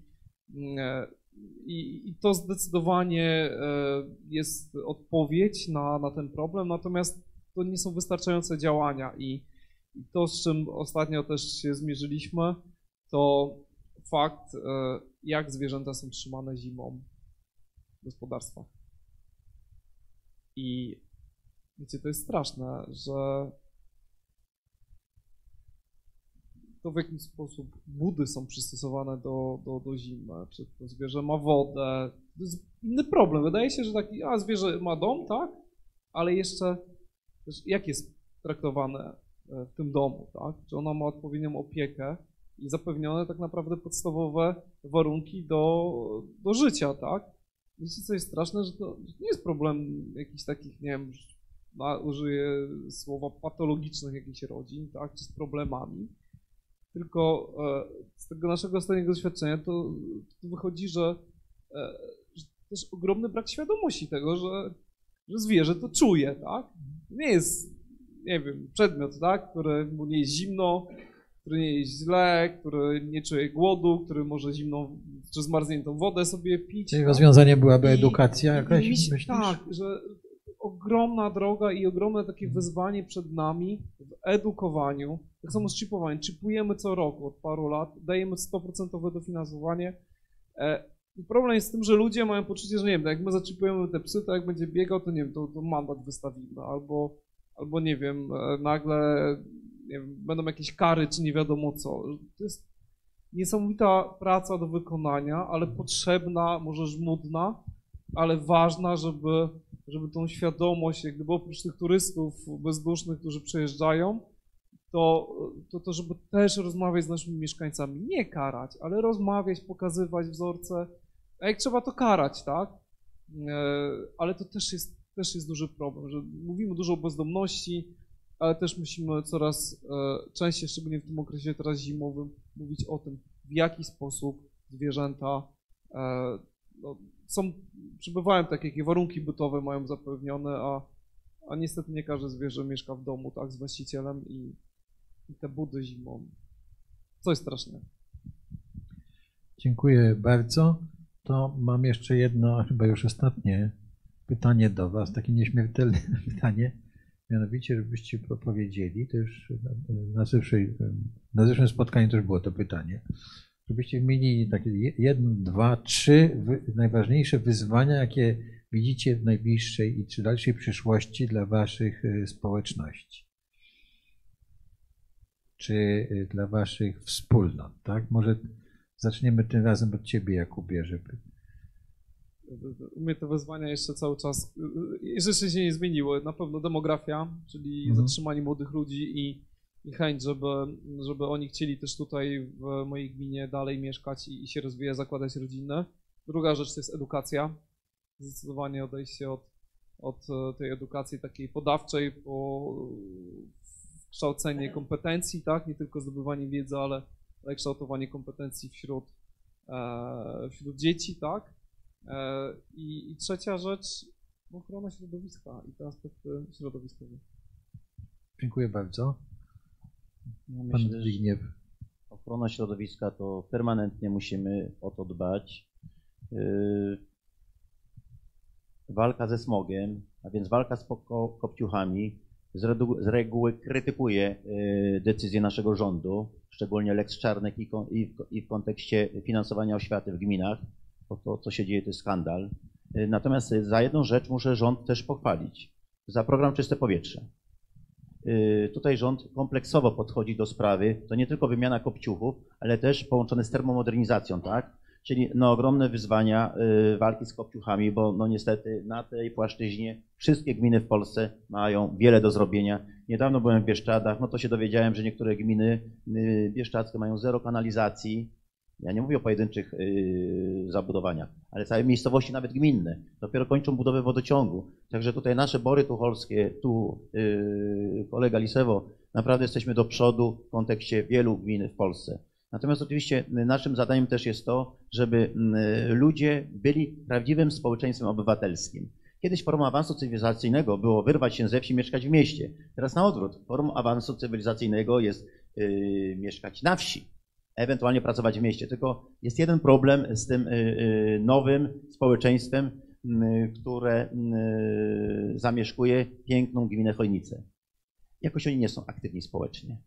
Natomiast cieszę się, że rdzeń y, naszej społeczności, radni, sołtysi, strażacy, organizacje pozarządowe, tak, często seniorzy, to jest taki rdzeń tej aktywności społecznej. Z aktywnością społeczną to jest jeszcze bardzo dużo do zrobienia. Myślę, że we wszystkich gminach w Polsce. Nie czujemy się tą jeszcze wielką rodziną, tak jak tutaj nieraz było mówione. y, Gdybyśmy my jako samorządowcy tylko y, analizowali krytyczne głosy pod naszym adresem, szanowni państwo, proporcja krytycznych do pozytywnych na zebraniach wiejskich czy yy, na innych spotkaniach to pewnie jest 10 do 1 na niekorzyść, bo zadowoleni milczą. Szkoda, że milczą. Tylko yy, krzyczą niezadowoleni. Ja zawsze mówię, że gdyby od y, decybeli przybywało pieniędzy na inwestycje, to byłbym chyba przez 24 y, godziny ryczącym wójtem y, w gminie Chojnice. Tak się po prostu nie da. Czyli musimy przez cały czas poprzez edukację kształtować y, społeczeństwo obywatelskie. Na tym polu chyba mamy najwięcej y, do, zro- y, do zrobienia. Jeśli będzie społeczeństwo obywatelskie poprzez edukację, y, to i z ekologią sobie po prostu poradzimy. Y, Muszę Państwu powiedzieć, że co z tego, że mamy ustawę o utrzymaniu ładu porządku, tak? Co z tego, że budujemy kanalizację? Muszę Wam Państwu powiedzieć, że w tej chwili walczymy y, z szambami na terenie gminy Chonice, bo z przyczyn ekonomicznych nie wszędzie mamy kanalizację sanitarną, tak? 6,5 tysiąca gospodarstw domowych, y, gdzieś jedna czwarta ma oczyszczalnie przyzagrodowe i szamba. Ja od 32 lat czekam na kogoś, kto mi udowodni, że ma szambo szczelne. Mam dla niego dyplom, ale oczywiście już czekać nie mogę, bo za chwileczkę nikt nas rozlicza i w tej chwili jest prosty system. ilość zużytej wody dla celów mieszkań, mieszkaniowych i pokaż, gdzie masz ścieki. I w tej chwili za to też się zabieramy. Problemów, szanowni państwo, w gminach mamy pełno, pełno. Tam, gdzie człowiek, tam problem. Ale Dziękuję. też pozytywny problem. Dziękuję bardzo. E, Jacku, Po części się powtórzę na pewno, czyli yy, marzyłoby się oczywiście większa aktywność taka społeczna, większy udział mieszkańców yy, w partycypacji, jakby w dyskusji o tym, yy, jakie rzeczy, w jakim kierunku ma się gmina rozwijać. Tutaj to, co będziemy próbo- próbowali, próbowaliśmy już, to się nie udawało, ale to, co chciałbym, żebyśmy w tym roku jednak yy, solidnie się do tego przyłożyli, to większe włączenie yy, młodzieży do tej aktywności i większy nacisk na ten kapitał społeczny. O ile 20 lat temu jeszcze był taki powiew u nas na terenie gminy tworzenia organizacji pozarządowych, było sporo osób, sporo liderów, które angażowały się w to, w tej chwili obserwuję już niestety, ale że odpływają te osoby, a bardzo ciężko jest pozyskać nowe. Także marzyłoby mi się, żeby z nowych ludzi, szczególnie z grupy młodzieży, y, udało się wypracować więcej takich liderów lokalnych, którzy y, będą rozumieli, o co chodzi w małych społecznościach takich lokalnych. To po pierwsze. Po drugie, no mówiłem ostatnio już na tej debacie, y, co by mi się marzyło, to powrót na pewno do tych samorządów, które były w latach y, 90., 2000. Ja pamiętam, zresztą y, pewnie Beszek też byłeś, ponad 20 lat temu, już teraz na 20-leciu samorządów w Poznaniu, taki wielki kongres y, korporacji samorządowych, gdzie y, niestety świętej pamięci już Lech Kaczyński mówił właśnie o tym, podkreślał, że to jest jedna z najlepszych reform, która udała się y, w Polsce. Ja bardzo często na różnych spotkaniach pytam, a co takiego się wyda- wydarzyło w ostatnich 10 latach, że ta samorządność nam jest odbierana, że co, coraz więcej rzeczy mamy ustawowo uregulowane i my stajemy się wykonawcą czegoś, co ktoś wymyślił y, lepiej i my nie możemy tego dostosować do naszych warunków y, lokalnych. Y, To niestety w ostatnich latach obserwujemy, że coraz mniej wpływu mamy na Niby to jest zadanie samorządowe wynikające z e, ustawy, ale ustawodawca mówi, jak mamy to robić. Najlepszy przykład to oczywiście gospodarka śmieciowa.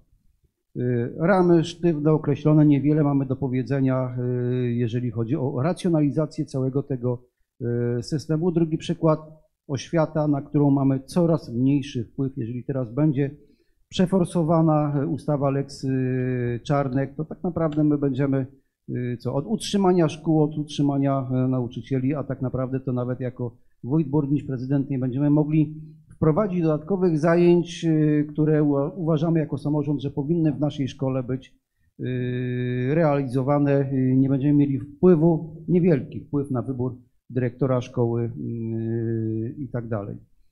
Yy, No i trzecia rzecz, no na pewno to, co koledzy też mówili, yy, kwestia tych wyzwań yy, ekologicznych, no to, to, to jest dla, dla pokoleń oczywiście. Dziękuję bardzo. Ja rozumiem, że jeśli chodzi o tę edukację, o której no już nie mamy czasu dzisiaj porozmawiać, to jest to rzecz niezwykle ważna, bo jeżeli nie ma żadnej możliwości o tym, żeby z uczniów, z uczniami porozmawiać na temat własnej gminy, tak, tej, tej tożsamości lokalnej, tak, no to czyli nawet wykorzystać zasobów gminy jako zasoby edukacyjne, tak, no to jest jakaś po- porażka. No to rzeczywiście e, coś niebywałego. Ale korci mnie jeszcze, żeby zadać Wam jeszcze jedno pytanie. Dobrze? Bo tak jak mówię, no, należycie do elity tego kraju i no, nasza Rzeczpospolita dzisiaj jest podzielona, tak? Zupełnie. No, no niestety, dopóki my nie będziemy rozumieli wspólnego, nie mieli tej poczucia, że to jest wspólnota, tak? I, i jedna i ten podział w jakiś sposób nie zniknie, tak? To y, no, mm, nie będzie dobrze się działo w naszym e, kraju niestety. No, co byśmy cokolwiek, jakiekolwiek sympatie mamy. To jak to zrobić? Słuchajcie, żeby y, y, y, ta nasza najważniejsza wspólnota, prawda, która nazywa się Rzeczpospolita i Polska, prawda, i jej mieszkańcy, żeby ich zjednoczyć. Co, co byście powiedzieli na ten e, temat? Ja bardzo krótko, no to, żebyśmy nauczyli się nawzajem słuchać. y, i rozwiązywać y, problemy, konflikty, bo one zawsze były, są i będą w formie spokojnego dialogu, spokojnej, spokojnej rozmowy. Y, U nas y, radni akurat to podkreślili, jak były jakieś większe afery takie sejmowe, to mówili o tym, że y, warto byłoby, żeby posłowie czasami zeszli na dół, zobaczyli w jaki sposób właśnie rozwiązuje się konflikty w małych samorządach, gdzie można trudne problemy właśnie w taki sposób rozwiązywać, a nie no, kłótnią, eskalowaniem danego problemu. Dziękuję bardzo. To Słabością, tradycyjnie. słabością polskiej demokracji jest to, że yy, mamy wszyscy poglądy polityczne. Każdy Polak jest znawcą wszystkiego. Przede wszystkim jest medykiem, tak? W kontekście choćby koro- koronawirusa, jest politykiem. Ale zwróćcie Państwo uwagę, o słabości naszej demokracji świadczy to, to pewnie są za- zaszłości, że yy, przynależność do partii to jest coś yy, ujemnego, jakiś minus. Yy, może moje pokolenie, starsze pokolenie to utożsamia z poprzednim systemem gdzie były trzy partie, jedna tylko ta porządna, tak PZPR. I dzisiaj, zresztą słuchajcie, młodzież rządzi się innymi, yy, innym światem, światem wirtualnym, w ogóle nie jest zainteresowana polityką. To też jest problem, w jaki sposób zachęcić młodzież do życia obywatelskiego. Natomiast to tutaj yy, kolega Jacek powiedział, my nie umiemy ze sobą rozmawiać, my nawet słuchać siebie nie umiemy, bo jeśli mamy już inny pogląd, to jesteśmy wrogiem. Natomiast kto jest tego sprawcą? Yy, Myślę, że media ogólnopolskie, politycy. Yy, Możecie się ze mną też nie zgadzać, ale zawsze to powtarzam. Jestem osobą wierzącą, ale kochani, jestem osobą wierzącą, ale dzisiaj tą debatę poświęciłem nad kolędą y, wsi, gdzie miałem być dzisiaj. Także weźcie to, y, przyjmijcie do wiadomości. Boże, Dlatego ale zmierzam. ja się, ja czuję, uważam, że ja się pra- czuję coraz bardziej winien. Y, Ja tylko uważam, że y, prawdziwą potęgę y, Kościoła y, w Polsce, później był Jan Paweł II papież, to zbudowała komuna. Prawdziwą potęgę Kościoła w Polsce. Poprzez system nakazów, zakazów, restrykcji y, Kościół był jedyną ostoją demokracji, życia kulturalno-politycznego. Natomiast w tej chwili pożenienie Kościoła z jedną partią spowodowało, że dzisiaj tylko 2% młodzieży, to wynika z sondaży ogólnopolskich, wierzy dzisiaj biskupom. Jeśli bardziej takich, jeśli więcej wypowiedzi arcybiskupa Jędraszewskiego, to młodzieży w ogóle nie będzie w kościołach. To jest po prostu moje prywatne zdanie. Dziękuję bardzo. Jakubie, to samo pytanie. Chyba, chyba Podzielona, podzielone, pytanie podzieleni Polacy i Rzeczpospolita jako dobro wspólne. chyba najtrudniejsze pytanie dzisiejszego wieczora. Rozmawianie, na pewno. E, Wiesz, czymś naturalnym jest w polityce spór, prawda? Tylko kwestia tego, w jaki sposób Polityka polega na sporze, spór tak? prowadzić. No, w gruncie rzeczy możemy wyjść z założenia, że istnieje pewne dobro wspólne, prawda? Które, no załóżmy, że każdy polityk wierzy w dobro wspólne, tak? Chcemy dobrze żyć, miło, żeby, żeby, żeby, żeby kraj się rozwijał, tak? No, wspieramy się co do metod. I e, moim zdaniem e, potrzeba jest, wiecie, może, może trochę też, czym tutaj mój że może e, jakąś receptą jest e, szkolenie polityków, może tak trochę powiem, tak górnolotnie, albo, albo takich liderów politycznych, nie? No bo zobaczcie, bo to, ten spór to w gruncie rzeczy krąży bo, tak mocno wśród liderów politycznych, tak, naszych głównych partii, nie? I za nimi oczywiście idą kolejni posłowie, za nimi idą ludzie, ale jeżeli my nie będziemy mieli silnego przywództwa w polityce, a dzisiaj uważam, że, no, no, że, że brak jest i wartości, tak, bo jest spór, są, e, e, są problemy, tak, takie same, tak, inaczej patrzymy na, na rozwiązywania, ale może właśnie problem jest w wartościach, że trochę inne wy, albo gdzieś, gdzieś może nie rozmawiamy o tych wartościach, tak, E, i, i przez to ten spór jest tak ostry, tak. E, Nie uczymy się też bycia politykiem, tak? I może to, to, to jest brak trochę też kompetencji, tak? Wśród, wśród naszych polityków, że e, skoro gdzie indziej sobie z tym lepiej radzą, to, to, to, to, to, to widocznie my też jesteśmy w stanie to robić, tylko, tylko gdzieś ten problem tkwi może, może właśnie w edukacji, w kompetencjach, w, e, że, że samo, rozmowy, samo rozmawianie już nie wystarczy, bo rozmawiamy, rozmawiamy, ale, ale sposób tych rozmów jest tragiczny, jest destrukcyjny, tak? destrukcyjne, że chyba nigdy, przynajmniej w historii III RP, nie było tak destrukcyjnego wpływu polityki na życie, wiecie, tak na dole, nie? Że w rodzinach ludzie się tak kłócą, nie są w stanie ze sobą rozmawiać na obiedzie świątecznym, że tak pokłócą o politykę. E, no to już zeszliśmy do naprawdę takiego poziomu no, najniższego, tak? I jeżeli tak się będzie działo i, i ta polityka będzie miała tak negatywny wpływ, to jak mamy zachęcać młodych ludzi do tego, żeby się angażowali w polityce? No nie pewno, jak takie bagno, to ja nie wchodzę, tak? Nawet kurczę, nie, z bratem się kłócę, bo, bo, bo on uważa inaczej, tak? No kłóćmy się, ale niech ta kłótnia będzie konstruktywna.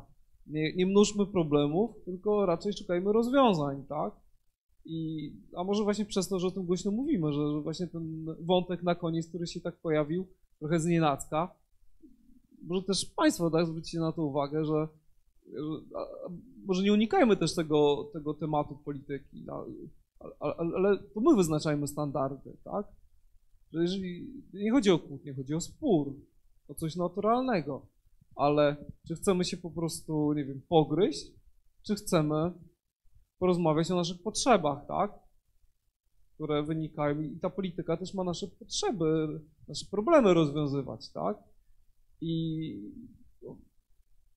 może to nie jest recepta dla tych na górze, ale, ale tutaj dla nas tu obecnych i tych, którzy słuchają, myślę, że to jest dobry sposób, żeby, żeby o tej polityce rozmawiać, nie bać się rozmawiać e, i, i w taki sposób naprawdę, gdzie, e, gdzie mówimy o problemach, o rozwiązaniach i o naszych potrzebach, tak? A myślę, że, że wtedy jest łatwiej też, też te problemy i potrzeby mm, sygnalizować. Proszę bardzo, Podsumowując, ja myślę, że koledzy wójtowie się chyba z moją wypowiedzią zgodzą. W naszych gminach wiejskich y, konflikty na tle politycznym, poglądowym w rodzinach y, występują na pewno często. Politycy nas y, podzielili. Przykład głosowania na prezydenta Rzeczpospolitej w gminie Chonice pół na pół. Paroma głosami wygrał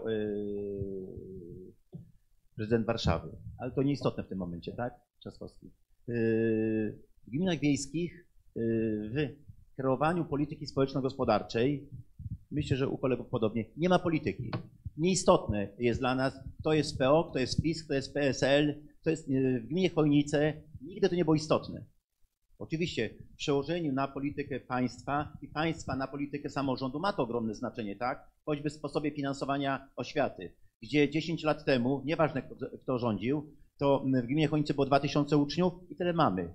Yy, dokładaliśmy 2 miliony, 2 miliony 700, w tej chwili 15 700 przez 10 lat bon oświatowy wzrósł o 50%, natomiast y, dotacja gminy o 500%, dziesięciokrotnie. Tu jest problem wielu samorządów dzisiaj, ale wracając i, i puentując. Nasze szczęście, koledzy wójtowie, y, że y, przy podejmowaniu konkretnych decyzji rozwoju polityczno-społecznego naszych gmin nie ma polityki. Dla mnie to nie ma znaczenia, kto należy do jakiej partii, kto ma jaki pogląd. Jesteśmy jedną rodziną, przynajmniej w Radzie Gminy Chojnice. Y, przynajmniej y, w rodzinie sołtysów i walczymy o rozwój naszej pięknej gminy Chojnica, jak to zawsze mówię, najpiękniejszej gminy w Polsce. Ktoś jeszcze ktoś chciał coś dodać? Nie, dobrze. Proszę Państwa, to y, jeszcze wracając do tej polityki, no i jeśli zdefiniujemy politykę, że to jest działanie na rzecz dobra wspólnego, tak, no to tak, a szczególnie jej członków, to wszyscy panowie są politykami i uprawiają politykę. Ja bym się tej definicji trzymał, bo myśmy się przyzwyczaili do tego, że e, o polityce rozmawiamy tylko, prawda, jak e, e, posłowie w Sejmie się na, ale, że tak powiem, kłócą, albo jak mówimy, prawda, o sprawach konstytucji, albo prawda, Sądu Najwyższego i tak dalej. Nie, znaczy zdefiniujmy sobie politykę, że to jest po prostu działanie na rzecz dobra wspólnego. Tak? I ta polityka e, także dotyczy to działania na rzecz dobra wspólnego, jakim jest nie tylko nasza wspólnota mała, tak? ale też, też to najważniejsza, tak? E, żeby nie wymieniać jej raz kolejnej nazwy, wszyscy wiemy o co chodzi. E, bardzo dziękuję Panom za rozmowę. Bardzo dziękuję Panom za spotkanie i za to, że Panowie zaszczycili nas e, tutaj swoją obecnością.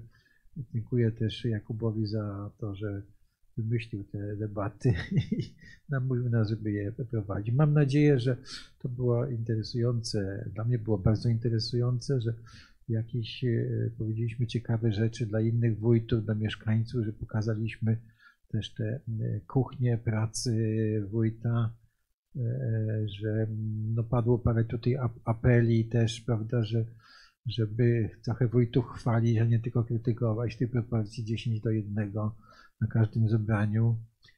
Tak, e, że e, no, myślę, że to było po- pożyteczne i za to, za to bardzo chciałem podziękować i w takim razie do zobaczenia następnym razem.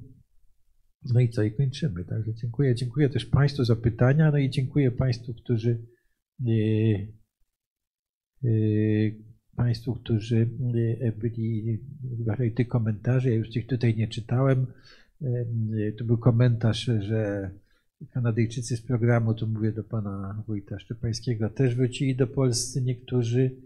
Było też pytanie o to, ile jest y, subwe- subwencje i dotacje oświatowe, ile wynoszą w budżetach gminy, no ale to już odeślemy pana do, to jest takie dane ogólne, to już nie będziemy na nie odpowiadać, żeby nie przedłużać. Y, Przepraszamy za to, że nie było słychać pytań. Y, y, Komentarz w sprawie potrzeby nowych liderów na wsi trafia sedno, pisze pan, to chyba któryś z panów powiedział, że panowie to wszyscy mówili tutaj o tym.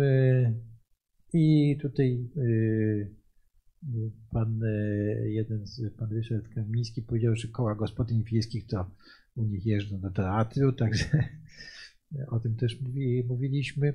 No i bardzo się z tego cieszymy. Także bardzo, bardzo Państwu dziękujemy za internautów, że byli z nami, Państwu, że Państwo byli z nami na sali.